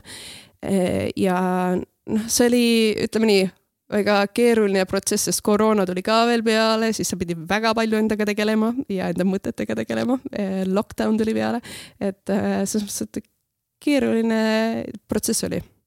et jah, et ei olnud päris märkmik ainult, et äh, mul tuli teised, teine inimene tuli ka ellu tol hetkel. et eks ta aitas mul selles mõttes äh, seda parandada natukene. et äh, Mindi võttis ära ja, ja ta andis mulle vastandi sellest eelmisest suhtest. Et ta andis nii rahuliku äh, foundation'i mulle ja kuulas mind ja ma sain temaga ise olla ja selle, see nagu aitas sellele enda otsimisele juurde, siis ma sain täielik, täielikult iseennas, ise nagu olla iseennas. ja jah, ei, kõik, kõik asjad tulid kokku nagu puste tuli kokku sellel perioodil. aga mis ettevõttega samal ajal siis toimus? E, ettevõttega mul, ma õppisin selles mõttes ettevõtluses seal ajal ära, õppisingi selle, et ma ei saa teha otsuseid äh, nii-öelda pressure'i põhjal ei, ma arv-, ma arvasin kogu aeg, panin endale selle loo mõttes kokku ja ma pean tulema kollektsioonidega nii ruttu välja kui võimalik. mis juhtuski see, et ma tulin niisuguse ups kollektsiooniga välja, mida ma lõpuks müüsin alghinnaga ja ma, ma olen ikkagi selles mõttes, et mul tootjaga läks mitmed asjad pekki, mu tootja on siiamaani sama olnud, aga kui sa, kui sa oled nagu uus tegija, äh, kõigepealt ma tootja leidsin sellega, et ma lihtsalt müüsin ennast ära, et ma ütlesin, et ma olen juba suur tegija siin Eestis ja nagu, et nad võtaks mind tõsiselt, vaata mm. -hmm. muidu ma olen mingi kahekümne aastane või kahekümne ühe aastane kratt, tulen mingi uksest, siis jõu, ma tahaksin teha koostööd, vaata.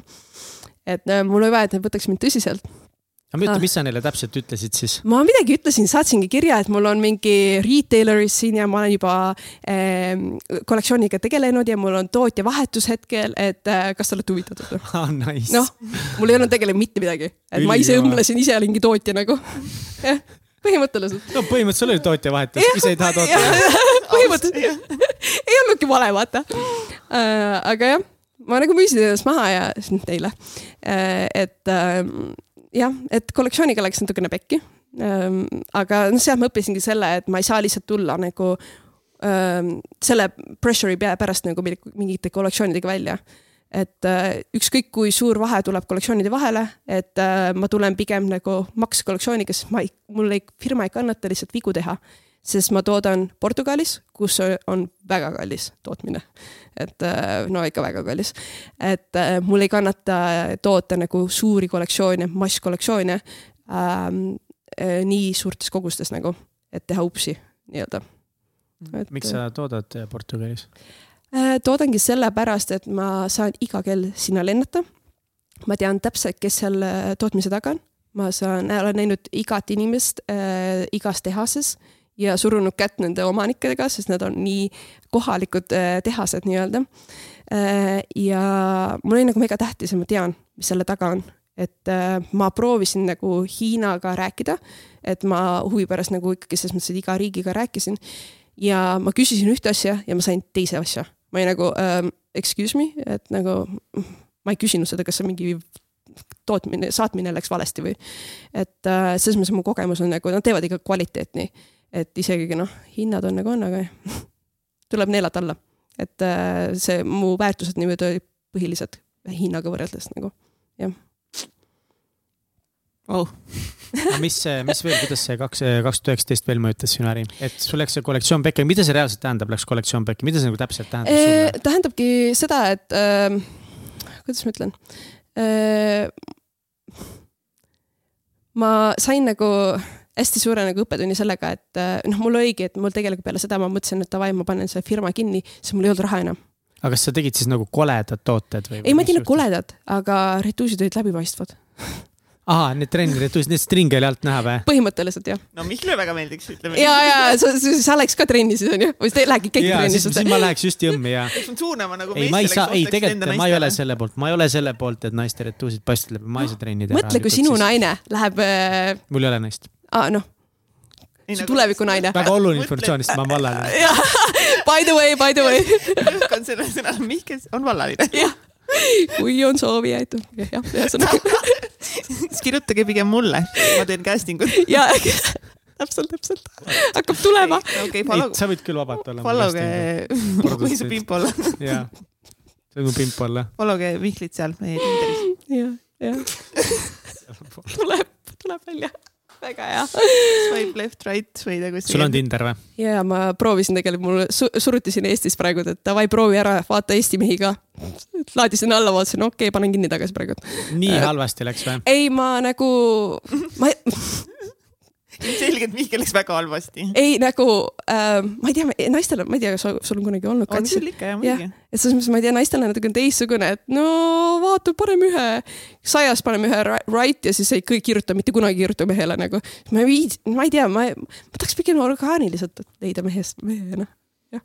ma selles mõttes ma olen just vallanduseks saanud ka, et äh, ma pigem chill in natukene. no siis ongi Tinder õige aeg. see on just see Tinder aeg. see vaheetapp seal on ju kuskil. vaheetapp jah. Tinderi etapp. saabki jah, jah okei okay,, davai, äh, püksid paistsid läbi, ühesõnaga, aga kas sa mäletad, tegelikult nüüd ma hakkan mõtlema, sa oled vist kunagi selle kohta isegi mingi story üles pannud. ja, olen jah, ma olen isegi video pannud, kus ma squat in. vot ja, ja, ja, ja. seda ma mäletan, millegipärast ma seda videot just mäletan aga mida sa päriselt siis tundsid, kui need püksid tulid ja sa avastasid, et need paistavad läbi? ja kui palju, palju sulle neid tuli? Eh, sada viiskümmend. et eh, sada viiskümmend eh, püksi, sellega vist ületootmist või alatootmist ei olnud. et kogused on sada viiskümmend toodet ühe toote kohta. ja kui nagu läheb okeilt, siis on okei okay,, aga kui mul oli veel, kõigepealt see oli läbipaistev ja teiseks ma tootsin üle X-ist suurust, mis oli nagu nii väike, et inimestel lihtsalt ei lähe see selga et ühesõnaga ma töötasin seda liiga palju võrreldes teiste suurustega, ehk siis mul nagu lihtsalt reaalselt ma töö, müüsin seda kollektsiooni kaks aastat praegult oh,. Wow. et äh, ja ma müüsin veel alghinnaga, oma hinnaga. mis tähendab seda, et no see oli ikka väga rets minu jaoks, et äh, saada nagu sellest tootest lahti. sest mul oli reaalselt, ma elasin, ma olen elanud siiamaani kollektsioonist kollektsioonini. et esimese kollektsiooniga, kui tulin välja, siis ma kaevasin endale finantsiliselt nii suure augu sisse ja ma pidin sellest välja tulema ja kui ma lõpuks sain mingis mõttes nagu sellest välja ma investeerisin järgmisesse kollektsiooni, järgmine kollektsioon oli pekkis, noh.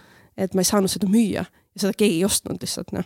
et äh, mul oligi, finantsiliselt on nagu kõige raskem nagu iga ettevõttel, startup'il on tegelikult see kõige raskem, et nagu tulla finantsiliselt kokku nagu. ja kui sul on nagu tootepõhine, siis ongi see kõige hullem, et äh, sa paned tegelikult kolm kuud enne toote väljatulekut, paned raha kinni kuhugi ja siis loodad, et saad müüd, müüdud selle toote, vaata ja seega ei ole garanteeritud, kui sa tuled kollektsiooniga välja. et äh, mul nagu ei, ma ei saa teha väga palju vigu selles mõttes, et äh, selles mõttes on investment väga hea mul praegu, teha. Okei okay,, aga tulid need välja, siis ma kujutan ette, et see võis ikka tõmmata pisara silma küll, mis sa, mis sa nüüd, vabandage väga, tütarlaps ei oska vett juua Pirita, ma tahan ikkagi täpselt kuulda, et kui palju sa siis nutsid, kui sa aru said, et need eh, retuusid paistavad läbi, kõik raha läks sinna tuulde ja tõenäoliselt sul on nüüd need raske maha müüa?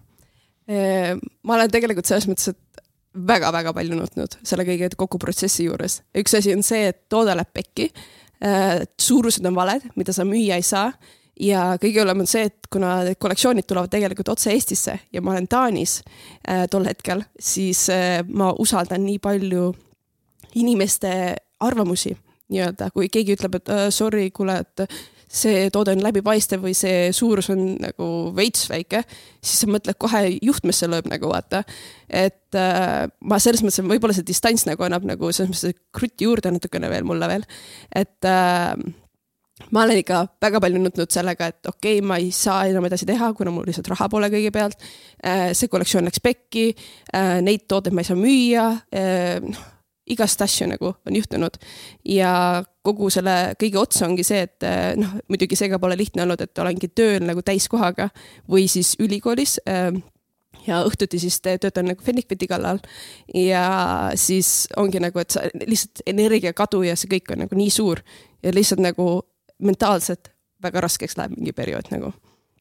et ma olen ikka väga palju äh, nutnud ja mu nagu eelmine kaaslane oligi siin ikka mitu korda lihtsalt sa hoiad seda nii, nii palju enda sees, ma ei, ma ei tea, mul on vist probleem sellega, et hoian enda sees hästi palju asju äh,. ja nagu teatud inimesed siis äh, nagu ümberringi nagu näevad seda ja mingil hetkel käiski klõks ära niimoodi, et mu pisarad lihtsalt jooksid ja mõtlesin, et äh, siis ta ütles, kas kõik on korras, ma ütlesin, ei ole ju et nagu, mis toimub nagu ähm,. ja noh, selles mõttes on hea, kui on inimene kõrval, kes ütleb, et okei okay,, davai, time out, et võta nagu breiki sest vahepeal sa ei saa nagu aru, kui nagu valesti see või nagu eh, ma teen nagu suurema loo sellest välja nii-öelda. et mis viimase kollektsiooniga oligi see, et ähm, seal oli nagu logo plate oli nagu toodete peal. aga see logo plate ma panin kaks korda uue toote selga ja see logo tuli ära küljest lihtsalt. mõtlesin, pekki, kuidas ma müün seda äh, kliendile. Klient paneb, proovib esimest korda, kaks korda proovib selga ja logo, logo tuleb pealt ära. siis, siis ma hakkasin, okei okay, helistan siis inimestele, räägin inimestega, davai, me ei müü neid tooteid, ma ütlesin, okei okay,, kolm toodet tuleb ja kõigil kolmel tootel on nagu logo peal. siis pekki, ma ei saa ühtegi toodet müüa, vaata. Ehm, ja siis ma otsustasingi, et ma olen nagu hästi transparent enda klientidega. kui on viga sees, ma annan neile märku, et oh, kuule, selline asi võib juhtuda. et iga toote juures on nagu selles mõttes ma olen kõike nagu ausalt ära rääkinud, kui nagu suud puhtaks nagu. Ehm, et äh, sel hetkel oli ka, et ma olin nagu täiesti, et davai, ma panen firma kinni, see oli nüüd augustis ja, ja ma olin just nagu töölt ära ka tulnud. siis ma läksin äh, nädalaks, läksin Šveitsi ja võtsin täieliku breigi, tulin tagasi, proovisin toodet selga, et ah, polegi nii paha nagu et äh, selles mõttes, et vahepeal on nagu vaja eemale saada, et äh, tegelikult näha nagu värskemate silmadega.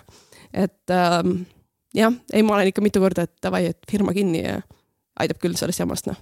pidu, pidu läbi mis sa siis tavaliselt äh, selles olukorras teinud oled peale selle, et Šveitsi nädalaks? jah ähm,, mul oli nagu kevadel tegelikult see breaking point, et ma olen tegelikult kevadel olin siis ametlikku kolm aastat tegelenud sellega, mitteametlikku kaks aastat nii-öelda.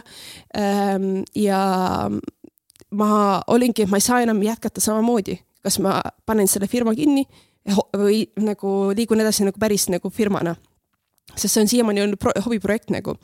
ja tol hetkel oligi, et äh, okei okay,, ma ei jaksa üksi kõigepealt teha, see on lihtsalt megarets, kui sa teed üksi mingit firmat, äh, et sul peab kedagi, keegi ka kõrval olema, siis mul on kogu aeg iga kaaslane, kes mu kõrval on olnud, on minu co-founder olnud põhimõtteliselt. Lähen koju, oh kuule, mis sa arvad sellest ja sellest nagu, et see disain meeldib või niimoodi vaata. et lõpuks ongi, siis nad on nagu, et okei okay,, sa võtad nagu töö ja suhe nagu see ei ole nagu mingit nagu vahet sellel enam vaata. ja ma selles mõttes ikkagi, siis ma olingi, et davai, ma pean co-founder'i otsima endale ja ma, ma ei tea mu ellu toodi või ma, see, see inimene, kes on täna co-founder, see lihtsalt ütles, et oh kuule, et ma olen nagu sinuga koos töötanud nii pikalt, et ma nagu tahaks, oleks huvitatud. ja ma olen tegelikult alati naisi vaadanud millegipärast, et co-founder'ina ja ta on noormees ja ma töötan tegelikult meestega paremini mingis mõttes, et äh, energiat on nagu teised nagu. ja ta liituski äh, ja peale seda nagu kõik asjad on muutunud muidugi, et äh, noh, ma ei tea, võib-olla suht-, suhes, suhtes ka nagu mitmed asjad muutusid tol hetkel. et äh, see suhe, mis mul viimane oli, et ähm, temaga ka nagu, kuna ta tundis, et ta on alati minu support, et järsku ta ei pidanud minu support enam olema, sest co-founder võttis selle support'i osa üle, et temal oli nagu okei okay,, kes ma siis olen nüüd. et tal hakkas see identity crease tulema nüüd, et äh, selles mõttes ma nagu äh, pean väga nagu ettevaatlik olema, kellega ma nagu arutan neid teemasid ja kellele nagu, et ei jah, ei miksiks nagu suhteid ju jah, üksteisega, et, et jah. et ma ei mäleta, mis küsimus oli. see on nagu mega basic, mis, mis see küsimus oli üldse? me hakkasime rääkima nendest katki läbipaistvast rituaalidest, siis co-founder'ini. nutmisest rääkisime. ja nutmisest rääkisime ka ja, ja. jõudsime siia jah, kuidas ah,, et see, et miks, et mis sa oled teinud nendel hetkedel, et sa pole siis päriselt Aa. alla andnud? ja miks ei, sa ei pole, ole see alla andnud? sest ma saingi aru, nagu ma ei saa tegelikult alla anda nii äh, selle momendini, kui ma pole tegelikult sajaprotsendiliselt ise nagu proovinud. et äh, kuidas ma saan nagu mingi kahe aasta pärast, et jaa, ma andsin alla, et miks sa andsid alla? ma ei tea, nagu ei tundnud, raske oli kuidagi, sa andsid kõik endas, ei andnud nagu, nagu selles mõttes ma ei saanud nagu anda alla nagu, ma olen nii palju selle alla pannud ja tegelikult see oli tegelikult äh, õige tõestus ka sellele, et äh, kui niipea, kui ma sulgesin ukse enda täiskohaga tööl, tegelikult kõik muutus. Et äh, mis ma siin septembris olin Design on moes äh,, moeetendusel osalesin siis Reporteris näitas seitse minutit ainult Fenniquiti äh,, siis olin selle investment'iga, siis äh, retailer äh, Taanis sain, avasin ja nagu hästi palju, kõik nagu terve maailm muutus mul äh, pea peale, selles mõttes selle viimase kuue kuuga praegult, jah. kuidas sa töölt ära tulid või kuidas sa selle otsuse vastu võtsid? see, okei okay, ähm,, see on muidugi naljakas, sest äh, Fennikbit algas tegelikult, ma nüüd lähen täiesti back in the days, vaata. Äh, Fennikbit algas sellega, et ma vist ei rääkinud seda. ei. Ei. Fennikbit algas nagu sellest, et äh, mu üks tüdruk sõbranna äh, läks trenni ja tal oli, tal on, ta on figu-, figuurikam naine. ja ta pani tavalise rinnahoidja ja siis pani sportrinnahoidja selle peale. Mihkel vaatab, oi juudas ja ühesõnaga. ma ei vaata juudas, ma ei saa arugi, mis see tähendab. mis see tähendab jah ja ma vaatasin nagu seal kõrval, et mis mõttes sa kannad nagu kahte rinnahoidjat, tava ja sportrinnahoidjat. siis ta ütles, et jaa, aga mul ei ole nagu piisavat toetust. Okei okay,, see oli nagu kahe tuhande seitsmeteistkümnendal aastal ja ma veel töötasin täiskohaga tööl, mõtlesin, et okei okay,, ma tahaksin nagu enda brändi teha, siis oligi, et ma ei saa nagu kõiki riiveid teha, sest muidu on liiga lai valdkond. ja siis ma, see töökoht äh, põhimõtteliselt vallandas mu. Äh, ma olin siis kahekümne ühe aastane ja kahekümne ühe aastasele esimene töökoht vallandades, siis mul nagu selles mõttes lõi ikka pildi taskus, ma mõtlesin, et pekki, no mida, kas ma ei ole piisavalt hea või ma panin kogu hinge selle kas firma alla. kas see oli see harjavabrik või? ei, see oli teine, see oligi minu esimene IT-projekti juhtimine okay.. Ähm, ja. ja nad vallandasid sul lausa kohe? Äh, sellega oli see lugu, et äh, mu osakonna juhatajaga mul ei olnud väga suur klapp ma olen see, kes teeb väga palju reegleid ise, nagu ma ennem ka mainisime, rääkisime okay. ja minu reeglid ei läinud nagu temaga kokku, ütleme niimoodi. ja meil oli nagu väike clash. tema vallandas minu äh,. minu boss ei teadnud sellest. tema, teda vallandati nädal hiljem, kuna ta vallandas minu. ja siis äh, oligi, et äh, ma olin töötu lõpuks äh, ja selle, et ma olin töötu üheksa kuud, aga see andis mulle võimaluse panna energiat selle brändi alla mm. -hmm ja see bränd nagu algaski tegelikult sellest, äh, sellest kohast nagu. aga irooniline on see, et äh, see boss, kelle firmast nagu mind vallandati, see on täna siis see investor minu firmas et äh, mis on nüüd seitse aastat hiljem nagu, et selles mõttes, et elu keerdkäik on irooniline ja naljakas. ja see sama inimene oli tegelikult boss ka minul see aasta. et kui ma läksin tema juurde, ütlesin, et oh kuule, ma ei suuda enam, ma ei suuda olla kahes töökohas enda firma kõrvalt nagu. Ähm, ja ta ütles, et ma saan aru. ja ta on nagu oodanud seda, et ma põhimõtteliselt yeah. annaksin nagu lahkumisavalduse sisse. et selles mõttes ta on siiamaani mind toetanud ja ta on Taanis ikkagi nagu tuntud business angel, et äh, selles mõttes, et ta on ikka väga, ta on, ma ütleks nagu mingis mõttes mulle isa, sest ta teab mind nii noorest peast alates ja ta on ikkagi toetanud nagu terve selle teekonna vältel mind. isegi kui tema, tema firmast nagu vallandati mind, jah. Aga olid sul mingid reeglid ka, mis sul pidi nagu olema, enne kui sa töölt ära tuled või kas sa kartsid seda ka, kas see tundus hirmus sulle nagu mm, finantsiliselt? finantsiliselt jah. ma arvan, et see on nagu kõige hirmuäratav ja ma võin nagu numbritest selles mõttes rääkida, et kui sa tuled nagu äh,, su palk on viis tuhat viissada äh, kuus ja sa lähed nulli peale äh,, siis on ikkagi nagu suur kukkumine äh,. kas see on Taanis pigem nagu keskmine palk või, või see on äh,? Nagu, nagu see on nagu palk? Ma ütleks, ütleme keskmine, et äh, ma ei ole nagu selles mõttes top-topis, ups ma ei ole top-topis nagu ikkagi, aga selles mõttes, et ikkagi selles mõttes ma väga palju saab kõrvale panna sellest rahast ja nagu ma elan ka väga soodsalt ja kõike niimoodi. et äh, ja nüüd oled nagu niimoodi, et äh, sul ei olegi sissetulekut. et ma elan nagu säästudelt tegelikult praegult. ja noh, ma asjad muutuvad nüüd uuel aastal, aga nagu ma pidin seda, selle otsuse enda heaks tegema, sest ma ei suutnud lihtsalt, et see ei olnud see elu, mida ma tahtsin teha. ja ma ei, mulle ei meeldinud see töökoht enam ja ma tegin puhtalt seda raha pärast kõigepealt lõpuks. ja noh, Benefit oli ka ääre peal niimoodi, et davai, mis teeme nüüd. ja noh, Benefiti kasuks seekord seekord loodame pikaajaliselt ikkagi aga mis sa annaks, kuidas sa annaksid, eh, mis nõu sa annaksid võib-olla inimestele, kes on näiteks samasuguse otsuse ees, et nad teevadki midagi oma töö kõrvalt, mingit hobi, mingit asja, mida nad tegelikult nagu mm., millest nad unistavad. aga samas ongi, see on see igapäevaelu, see palgatöö, mingid kohustused, asjad kõik, et see on nagu väga raske otsus, see hoiab inimesi väga yeah. palju tagasi.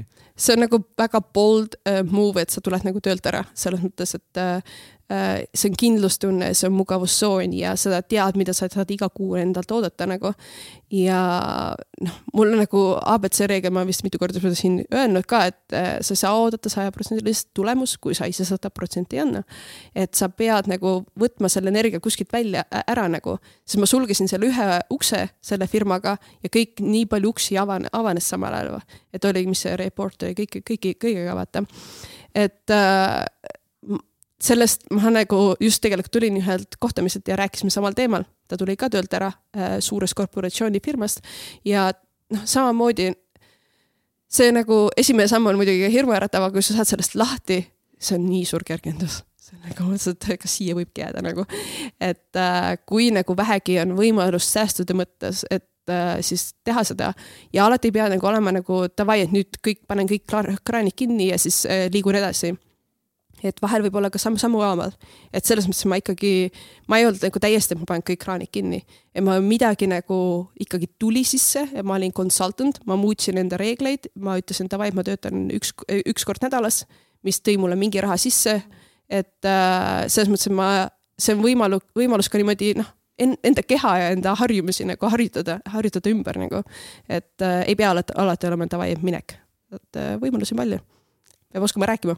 Gotta believe mm. -hmm. You have to believe. You have to believe. ja valmis leidma neid lahendusi. jah yeah., et äh, loominguline peab olema mm. -hmm. ja kui midagi tahad siis nagu näha, siis yeah., siis saab kõike. jaa, täpselt ongi. aga nüüd siis ongi siis põhi plaan ikkagist eh, ettevõtlus, benefit to the world, to the top. To the world. plaanid on ehm,? plaanid on, eh, kuna Eesti turu, turg on ikkagi väike siis äh, ma proovin vaadata Taani poole, et mul on ikkagi ladu selles mõttes kahes riigis praegult ja selles mõttes headquarter on ikkagi Kopenhaagenis, kuid ma proovin nagu kahe riigi. Kopenhaagenis ongi ah,. Kopenhaagenis headquarter on minu ruumis äh,, nurgas voodi kõrval aga headquarters kõlab mega hästi. ja, et selles mõttes, et see fancy names mulle yeah. nagu nii meeldivad, vaata. Äh, et äh, tuleb nagu toime tulla, mis võimalused on. Äh, ja vaatan nagu, proovin Taani poole vaadata, et ma annan endast kõik nagu praegu sellele ja noh, proovin kahe riigi vahelt, et ma proovin ka Eestis sinna rohkem tegutseda nüüd äh, uuel aastal ja siis nagu kahe riigi vahel lennata. sest Taani on te tegelikult Eesti turuga võr võrreldes no ikka täiesti seinast seina. mis mis see tähendab äh,? tasud on äh, täiesti erinevad, et äh, kui tahad mingi suunamudija, vist on see eesti sõna või mm -hmm.? suunamudiga koostööd teha, äh, siis ikkagi nagu siin sa saad võib-olla tasutud nagu väikse summadega või riietega või mis iganes. aga seal on ikkagi, me räägime tuhandetest, et äh, sa pead ühe postituse pärast nagu maksma. et äh, see on ikkagi teine maailm täielikult ja siis ongi, et okei okay,, sorry, ma ei saagi enda suunamudijatega nii-öelda äh, koostööd teha, sest see on lihtsalt nii kallis. ja see on nagu mega koomiline on see, mitte koomiline, minul on see nukker, et ma küsisin tegelikult enda jälgijatelt, et mida te olete nõus nagu toodete eest maksma ja eestlane ütles kolmkümmend viis eurot ja taanlane ütles üheksakümmend eurot. et seal on ikka ulme vahe sees kahe no, riigi vahel. palgas on ka samas. jah, täpselt ongi mm, -hmm. palgas on ka sama, äh, sama, et äh, ma proovingi nüüd selle balance'i leida nende kahe riigi vahelt, et kuidas ma saaks toimida kahe täiesti erineva riigiga. aga miks sa selle Eestiga üldse tahad tegeleda ehm,? ma arvan, et ma olen ikkagi selles mõttes väga eestlane, vaata, et ma tahaks ikkagi mingid, võib-olla ma sellepärast tegingi mingi Fenifiti, et mul nagu Eestiga oleks mingi ühendus olemas võib-olla see on minu põhjus nagu siia.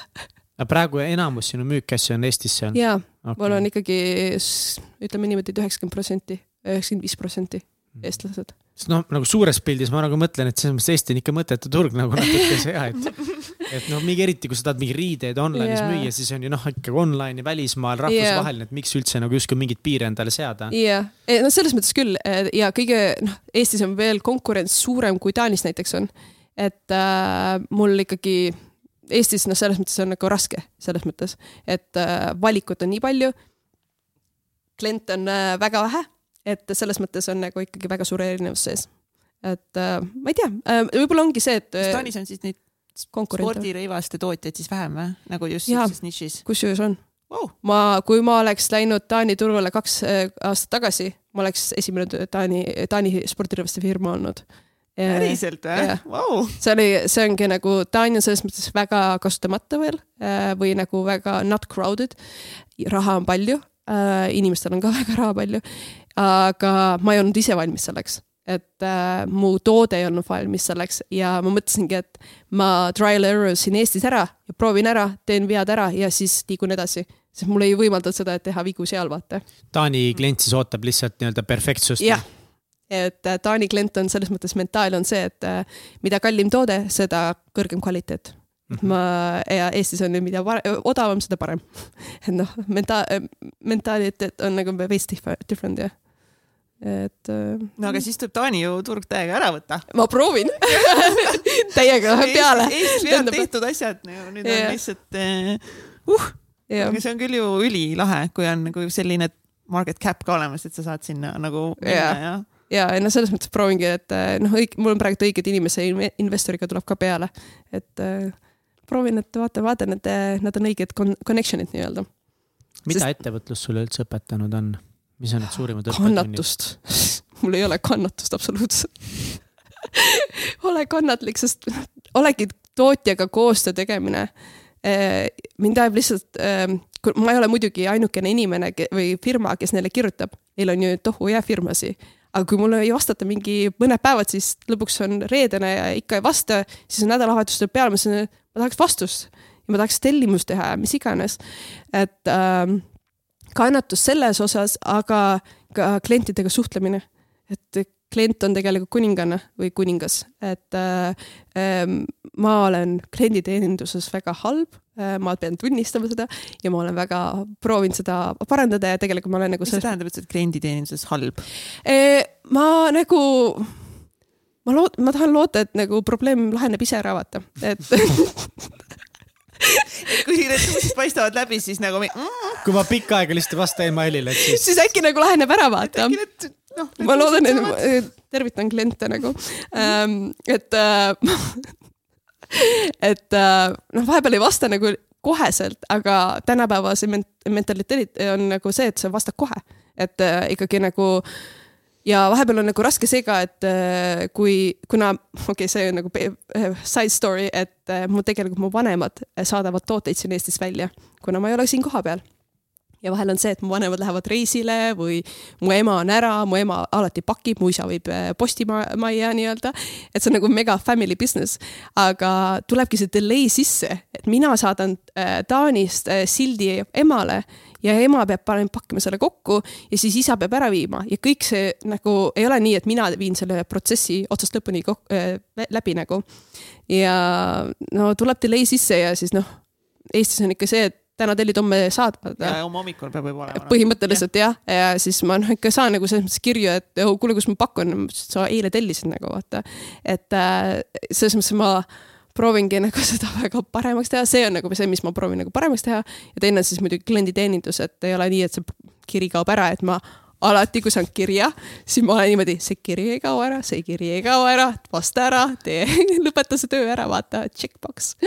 et äh, jah, et mul on klienditeenindus jah aga tegelikult probleemid kaovad ise, mõned probleemid kaovad. Mõned probleemid kaovad. klienditeeninduses noh, kui sa omaenda tootele teed customer support'i, siis seal, yeah.. seal ei saa seda lubada. ja siis mõtlesin, ma räägin, ma teen endale reegleid, et äh, ma olen ikka karuteene ka endale selle teinud nagu. mis su reeglid üldse eluks on, sa oled siin maininud mitu korda, sa teed oma reegleid ja igal pool see ei sobi, kui inimesed teevad oma reeglid neile, mis on sinu reeglid eluks, mis on su põhimõtted? ma painutan reegleid, ma painutan enda kasuks äh, tihtipeale, mida ma olen nagu näinud enda mustrit nüüd äh, ähm,, kuidas ma ütlen, viimasel aastal pigem äh,. ja ma, ja isegi kui nagu need reeglid ei, kui ma painutan neid, siis ma, kaob ära see nii-öelda painutus nii-öelda, see läheb sirgeks tagasi ju.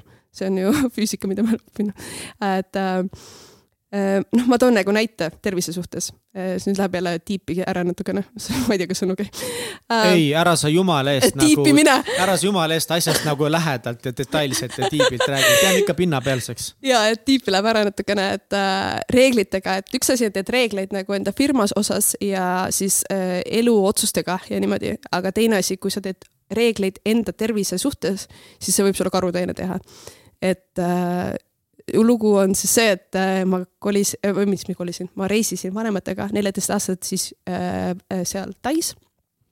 ja me olime džunglis ja ööbisime sellises äh, floating majades, et äh, see oli reaalselt džungel nagu.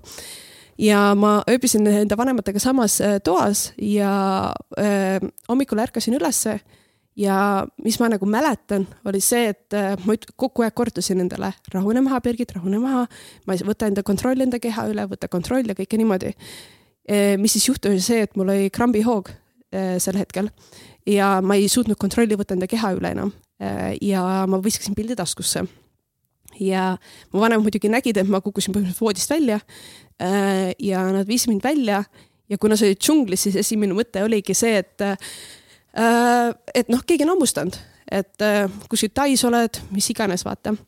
ja mingil hetkel ma olin ikka, noh, selles mõttes ma nägin, läksin näost siniseks ja kõik niimoodi ja mingil hetkel ma tulin ikkagi nagu, ma istun täna siin, et selles mõttes ma tulin ärkvele. Äh, ja kui me jõudsime Eestisse, siis mind viidi uuringutele ja uuringute käigus oligi see, et käisin ühe tee, sellepärast mulle võib-olla haiglad ei meeldigi. ma pigem nagu panen, paneks seal jooksu, võib-olla sealt tulebki see hirm tegelikult. et ähm, lõpuks tuli välja, et mul diagnoositi epilepsia ja mul oli selles mõttes äh, nii-öelda äh, light version, et äh, mul ei olnud tegelikult hoogu peale seda mitte kunagi, välja arvatud öösel äh,. ja öösel, ma vaatan Mihkel, et kuidas, kuidas sa tead, et öösel oli, et äh, mul hommikul ärkad, siis sul on keel nagu ära näritud äh,. ja, ja siis ma nagu diagnoosida see, aga mul oli nagu light version, siis ma nagu hakkasin endale reegleid tegema. et äh, noh, et saan sellest nagu lahti nii-öelda. ja mulle määrati nagu ravi kaheks aastaks ja sellega nagu äh, nii-öelda võnk, et noh äh,, kaug-, noh, pead ravi võtma, et äh, ka-, kaoks nagu ära ja esimene aasta võtsin kõike väga tublisti, iga päev võtad rohtu. Äh, ja siis lähed nagu uuringutele jälle, siis arst ütleb, et oh, kuule, väga cool ja väga, kõik läheb väga hästi. ja siis ma mõtlesin, oh, väga hea kõik on väga cool. siis teisel aastal, mis ma tegin, ma hakkasin endale reegleid tegema, mõtlesin, ma ei taha seda rohtu võtta, ma võtsin rohtu siin ja seal ja vahepeal võtsin topelt ja vahepeal skip isin ja noh, täiesti enda, enda elu elasin põhimõtteliselt. ja mis sellega juhtus, oligi see, et teise aasta lõpus äh, äh, siis läksin tagasi arstile, ütles, et okei okay,, me oleme alguspunktis tagasi nüüd. et mis, mis mõttes? ma võtsin ju rohtu siin ja seal, ma ei öelnud talle muidugi, mu vanemad teavad ainult nüüd, et ma võtsin siin ja seal ja ta ütles, et ma ei tea, mis juhtus, aga selles mõttes me oleme alguspunktis tagasi ja ravi pikeneb. okei okay,, üks aasta lisaks ja see nagu äh, turgutas mind selles mõttes, et ma pidin nagu jälgima reegleid, et ma tean, et mingis valdkondades ma, ma ei saa painutada seda. ja see kolmas aasta ma võtsin äh, ravimeid nii nagu pidin ja ma sain sellest äh, nii-öelda ravimitest lahti ja ma noh, selles mõttes mul pole seda enam, et äh, jah, et selles mõttes, et see on, ma pean nagu väga, valima, mida ma kus ma neid nagu painutan nagu. ja selles mõttes, et see nagu ei ole väga endale mingi reegli tegemine mm., sa lihtsalt lasid üle selle. sul oli lihtsalt nagu pohhui veits. ei no Sest pohhui nagu selles mõttes, et ma mõtlen. see ei ole nagu reegli tegemine, et see on pigem on see, et mingi fuck it, ma ei taha võtta neid ravimeid. ei ja reegli tegemine selles mõttes, et mul ei ole seda vaja, vaata. et sina ei tule ütlema, noh, mul on nagu. see on nagu seisukoht rohkem. jah, võimalik küll jah, et äh, ma teen nagu ja mul nagu väga palju inimesi minu poolt ka, noh, kui ma, ma teen mingit, painutan nagu kuskil midagi, siis ära tee niipidi ja ära tee, et ikkagi abc käib, ma ütlen ei, abcb nagu, et äh, selles mõttes ma natukene jah, vussi, noh, tee, muudan. ühesõnaga, sa ei taha lihtsalt teha nii, nagu sulle öeldakse? ja mulle ei meeldi teha. miks? ma ei tea, kust see tuleb ausalt öeldes, ma olen nagu hästi isepäine et äh, ma olen hästi kangekaelne, mu ema ütleb, et ma olen kõige kangekaelnem laps ever. et äh, ma arvan, võib-olla sellepärast ma ka teen enda firmat pigem, et noh, mulle kõikidega ei, ma ei saa võib-olla, ma ei, ma ei tea, ma ei oska öelda, ma olen hästi kange kaelne tüdruk, et äh, ma proovin sellega tegeleda, ma olen teadlik sellest, selles mõttes. Peace. jah, kangust on vaja, ma ei ütle, et see on halb või hea. jah, jah ole, ole nii kange, kui tahad. jah, see võib-olla sellepärast ongi nagu vaata nii kaugele jõudnud enda asjadega, tegemistega, et selles mõttes see on hea ka. ei, kindlalt nagu no. ettevõttes nii lihtne on alla anda selles mõttes ja no Kats seda teab nagu just see mitte nagu allaandmise kangus, et seesama see Unitediga ka nagu, et teil on ka ikkagi, teil on nii palju olnud seda kangust ja tugevust ja seda, et mingit ei, ma ei taha alla anda kõige selle, mis mm. ma eitanud, te ei ole alla andnud, te olete push inud ja siis te oletegi nagu võitnud tänu sellele ja. siis mitte jälle võitnud jah. ja siis mitte jälle võitnud jah et noh, ega täna ma nagu ei teagi, et mis see õige nagu on, et yeah., et mis hetkel siis on okei okay, nagu alla anda ka päriselt, et nagu aktsepteerida seda, et mm. noh, et see tee ei olegi nagu see tee. Yeah.. et see on nagu fine. Yeah.. et ma ei pea nagu suruma mingeid asju lihtsalt sellepärast, et noh, ma olen juba mingid aastad seda teinud. ja, et aga selles mõttes ongi nagu mina võtan seda seisukohta, et äh, kui sa tunned, et sa oled teinud seda, mis sa oled kõik teinud ja kui sa tunned, et sa ei ole nagu ei anna seda väärtust enam, siis nagu why, why the bother? Nagu move on. Et äh, jah, tuleb teada, millal aga nüüd, kui sada protsenti annad ja samas sa tunned, et see hakkab sulle tagasi andma ja nüüd asjad juhtuvad, et kui palju nüüd asju juhtunud on, siis praegu enam seda tunnet küll ei tahaks alla anda? praegult ei taha praegult ei taha veel, et äh, Ähm, noh, ma ei tea muidugi, ma kujutan ette, mul on väga palju komistuskivi veel ees, et äh, kive, kivesi nagu ees, et äh, see ei tule kindlasti sirge teekond. ja ma kujutan ette, see läheb aina keerulisemaks nüüd, sest ma olen see inimene, kes, kellele meeldib alustada ettevõtlustega ja projektidega ja kõike niimoodi.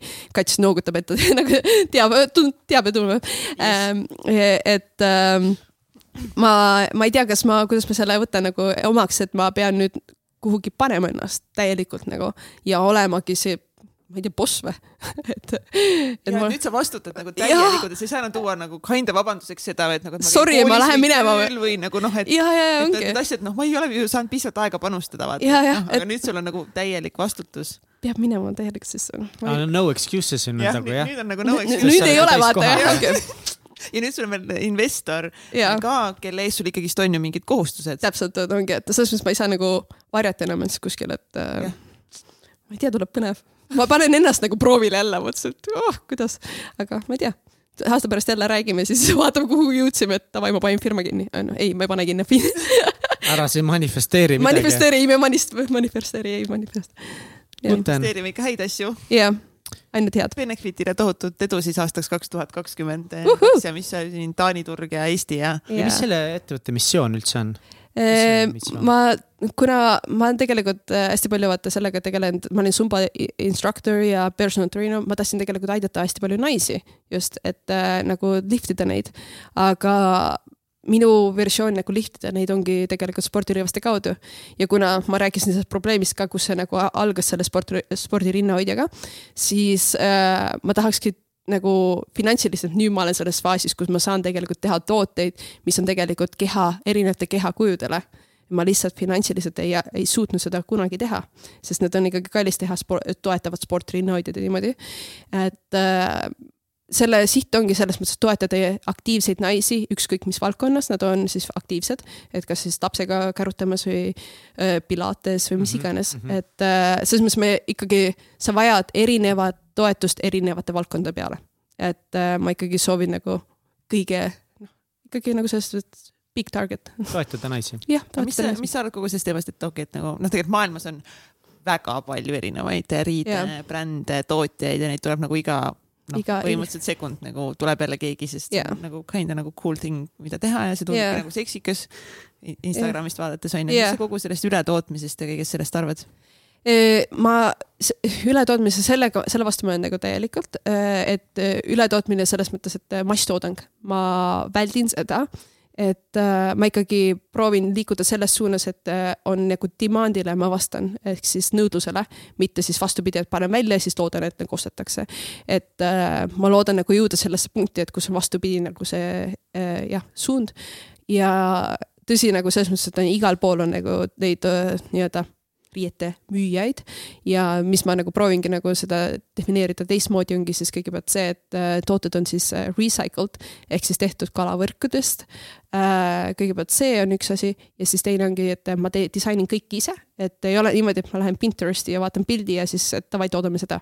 Või võtan kataloogist, et oo, toodame täna seda, vaata et ma tegelikult äh, proovin väga niši minna, et pigem eksklusiivselt toota erilisi disaine, mida sa ei leia mitte kuskilt ja toota äh, nagu low quantity ehk siis madalates kogustes äh,. sest ühte suurust tegelikult on äh, ütleme nii, et, et oleneb, mis suurus muidugi, aga on viis kuni äh, kolmkümmend. ehk siis S-suurus tegelikult näiteks ei lähe rohkem kui kolmkümmend toodet ja see kolmkümmend toode, toodet ma jaotan siis kahe turu peale ära, viisteist ja viisteist, ehk siis eh, inimesed, eh, viisteist S-suurust tüdrukut ainult saavad osta neid retuuse. ja kui ma müün selle toote välja, siis ma ei restock'i. ehk siis äh, ongi, et ma teen selle väga eksklusiivseks, et äh, noh, väga targeted nagu ka, et jah tähendab nagu... ka siis nagu premium hinnaklassi? jah, sinnapoole ma liigun vaikselt, et. Äh, mis hinnaga on... sa praegu Eestis äh, müüd? praegu müün äh, viiskümmend üheksa ja reduusides kuuskümmend üheksa, niimoodi sinna hinnaklassi, et noh, see tegelikult vanades kollektsioonides nelikümmend üheksa kuni kuuskümmend üheksa, et äh, olenevad siis kollektsioonidest ja turu mõistes on see pigem, ma ei, pole üldse nagu väga äh, ütleme nii. aga kuidas, kus sa praegu Eestis positsioneerid ennast? nüüd ma olen nagu madal äh, seepärast ma olingi, olen nagu, mis minu viga oligi, et äh, mis paljud ettevõtted ilmselt ka teevad, on see, et vaatavad nii-öelda konkurentside pealt, siis panevad selle hinda, sest nad ei julge panna kõrgemat. ja selle vea ka tegin mina, et äh, ma tegelikult, mu tootmine on megakallis Portugalis, aga ma panin konkurentsi põhjal niimoodi, et mu profit oli tegelikult low. ja ma panin enda väärtuse, firma väärtuse madalamale, kui tegelikult see oli et äh, nüüd ma olen nagu selles faasis, kus ma tõstan nüüd seda ja nagu close down nagu kõikidele konkurentidele. et ma äh,, mul mega respekt kõikide konkurentide vastu, selles mõttes ma suhtlen mitmega siin Eestis. et äh, ja nagu hands down, et nad teevad Eestis, pisikeses Eestis samamoodi. aga ongi, et äh, noh, karuteene teen niimoodi pikas perspektiivis, kui vaatan ainult konkurentide pealt, mida nemad teevad. jah, selle ma muudan ringi vaikselt nüüd mm. -hmm. üks äh teema, mida täna veel korra siin eh, puudutada, mis minu arust lihtsalt võib-olla nagu sõnu, sõnumi mõistes, et kui palju nagu teiste inimeste sõnad võivad eh, inimese mm. elu mõjutada, et mõned aastad tagasi siin Birgitil oli eh, seik siis sellest, kuidas ta disainis ühele Eesti ka siis tuntud mõjuisikule pulmakleidi, mis ei läinud loosi ja sellest tuli siis selline suurem inimeste väljaütlemiste jada, kus siis eh, sina said siis tugeva sellise rünnaku osaliseks. et äh, sõnadel on tugev-tugev mõju, et äh, tol hetkel oligi, ma blogiga tegel-, tegelesin ja ka teised nii-öelda suunamudjad ütlesid sõna sekka, et äh, ma sain ikka sotsiaalmeedias, sain blogides, sain ka kollase meedia poolt sain selles mõttes väga suure laviini, et äh, et ei olnud nagu jah, et ma olin nagu selles mõttes Taanis tol hetkel, et kui sain teada, et pulmakleet ei lähe kasutusse ja ma, kui selle siis järsku kõik plahvatas nagu selles mõttes kommentaaride suhtes ja ma tol hetkel olingi, et davai, et ma ei tule Eestisse mitte kunagi enam tagasi, et äh, see nagu mõjutas mingi selles mõttes, et äh, Eestiga on nüüd kõik et äh, ma ütlesin. su maine on nagu nii kahjustatud. jah, et maine on nagu nii kahjustatud, et äh, eriti kui moedisainerina, et Eesti on nagu nii pisikene, kõik teavad kõiki. et äh, mõtlesingi, et okei okay,, et ma ei saa enam tulla sellega välja äh,. mis muidugi on naljakas see, et ma ütlesin tol hetkel, ma tulen ainult siis tagasi, kui ma teen oma brändi ja ma suudan tõestada, et ma suudan seda teha paremini ja noh, see Benefit ei ole muidugi sellega seotud, aga ma ka ütlesin, et ma tulen äh, pulmakleidi salongiga üks päev välja, et noh, see on ühesõnaga samamoodi mul sihiks pandud nüüd tänu sellele. aga mis sinu kohta ikkagist nagu öeldi, mis, mis, mis see nagu siis äh, värk oli? noh, väga inetuid sõnu öeldi, roppu sõnu. roppu, no täitsa pekkis vist ei öeldud, öeldi nagu midagi siis yeah. hullemat ikka. ei nagu äh, noh, üks, üks nagu, mis väga nagu silma jäi, oligi see, et ähm, et kokk ei aja ka sitta köögist välja ja. kuidas? et kokk ei aja ka sitta köögist välja nii-öelda et noh, tuled ikka kokkad, siis äh, tuled ikka korraliku praega välja et äh, selles mõttes, et.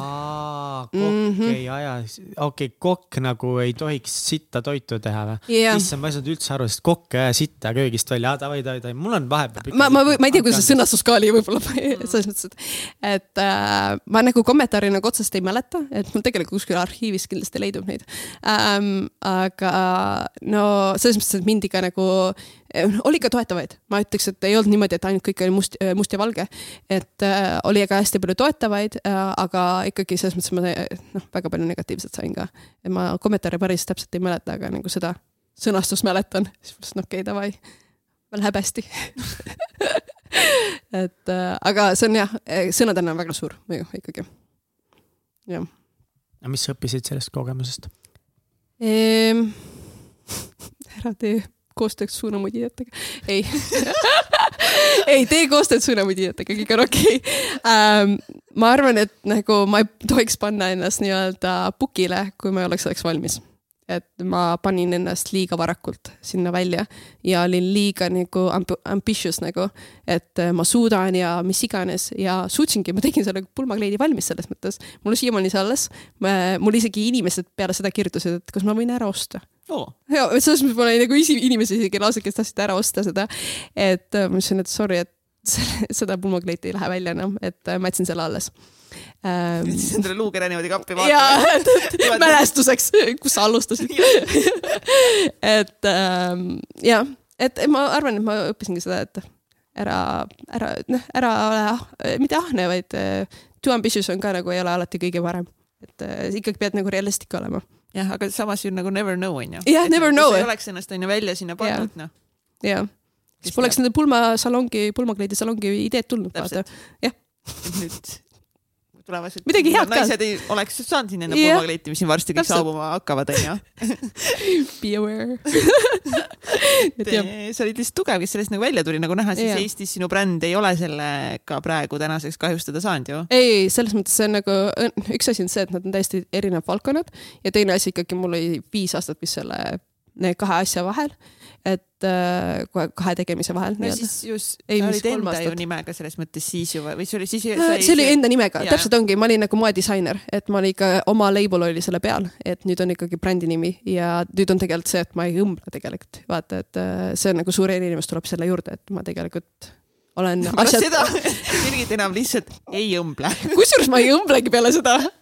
võib-olla ei, ma tegelikult, ma lihtsalt, mul ei ole gay passion'it, mul on õmblusmasin täitsa olemas endiselt, Taanis isegi, ma viisin Taani. et sa tulid ikkagist nagu sellest välja. ja, ja ei täie totaalselt, et äh, mis tapa seda tugevaks ju või absoluutselt. vigaseks.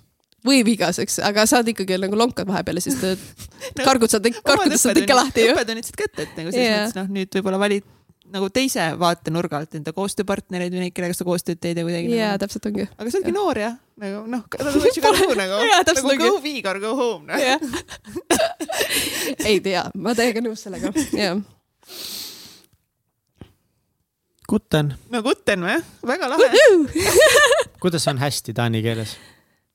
kott, kuidas? kott. kott Mhm., kott, ma Kuidas luulen, on et taanlased nüüd äh,, takk. takk ah,, takk, see, ma teadsin. Kuidas sa seda ei teadnud? teadsin küll, teadsin teadsid, küll ja ma olen Google Translate'i kasutanud küll meil see. klientidega miitingutel. Mm. kutt ja takk, takk, takk, takk, Birgit, takk, see on nagu taks nagu hüüab mind. taks, takk, takk, taks. takk. väga lahe, et sa saatesse tulid, väga lahe oli sinuga aitäh, et kutsusite. tuttavaks saada ja vestelda ja jaa, samad sõnad teile ka. et äh, rääkida väga siis, mis päriselt elus nagu toimib, ei onju., mega, mega meeldiv on siin ka, teil on nii mõnus vibe siin, et äh, nii mõnus Aitäh. nagu kodus oleks. aa, ma võiks siia jäädagi, mul Sa on oledki nagu homse kodus. lennuni aega. sa oledki kodus. ja, This is home. This is ja kui home. kunagi vaja mingi paari kasti siin hoiustada, ja siis, ja, ja, ja kunagi teeme mingi ägeda kolläbi, hakkad tegema täitsa pekis äh, retuuse.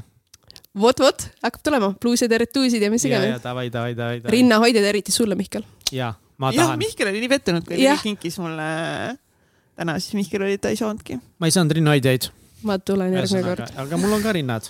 mul on nibud ka. Birgit ei kinkinud mõistes ka meie minu, ka minu nibud tahavad. kuule, ma tulen. meeste kollektsiooniga üks päev välja, nii et. ja, ja, ja, ma tahan. ma tean, ma tean. ma näen.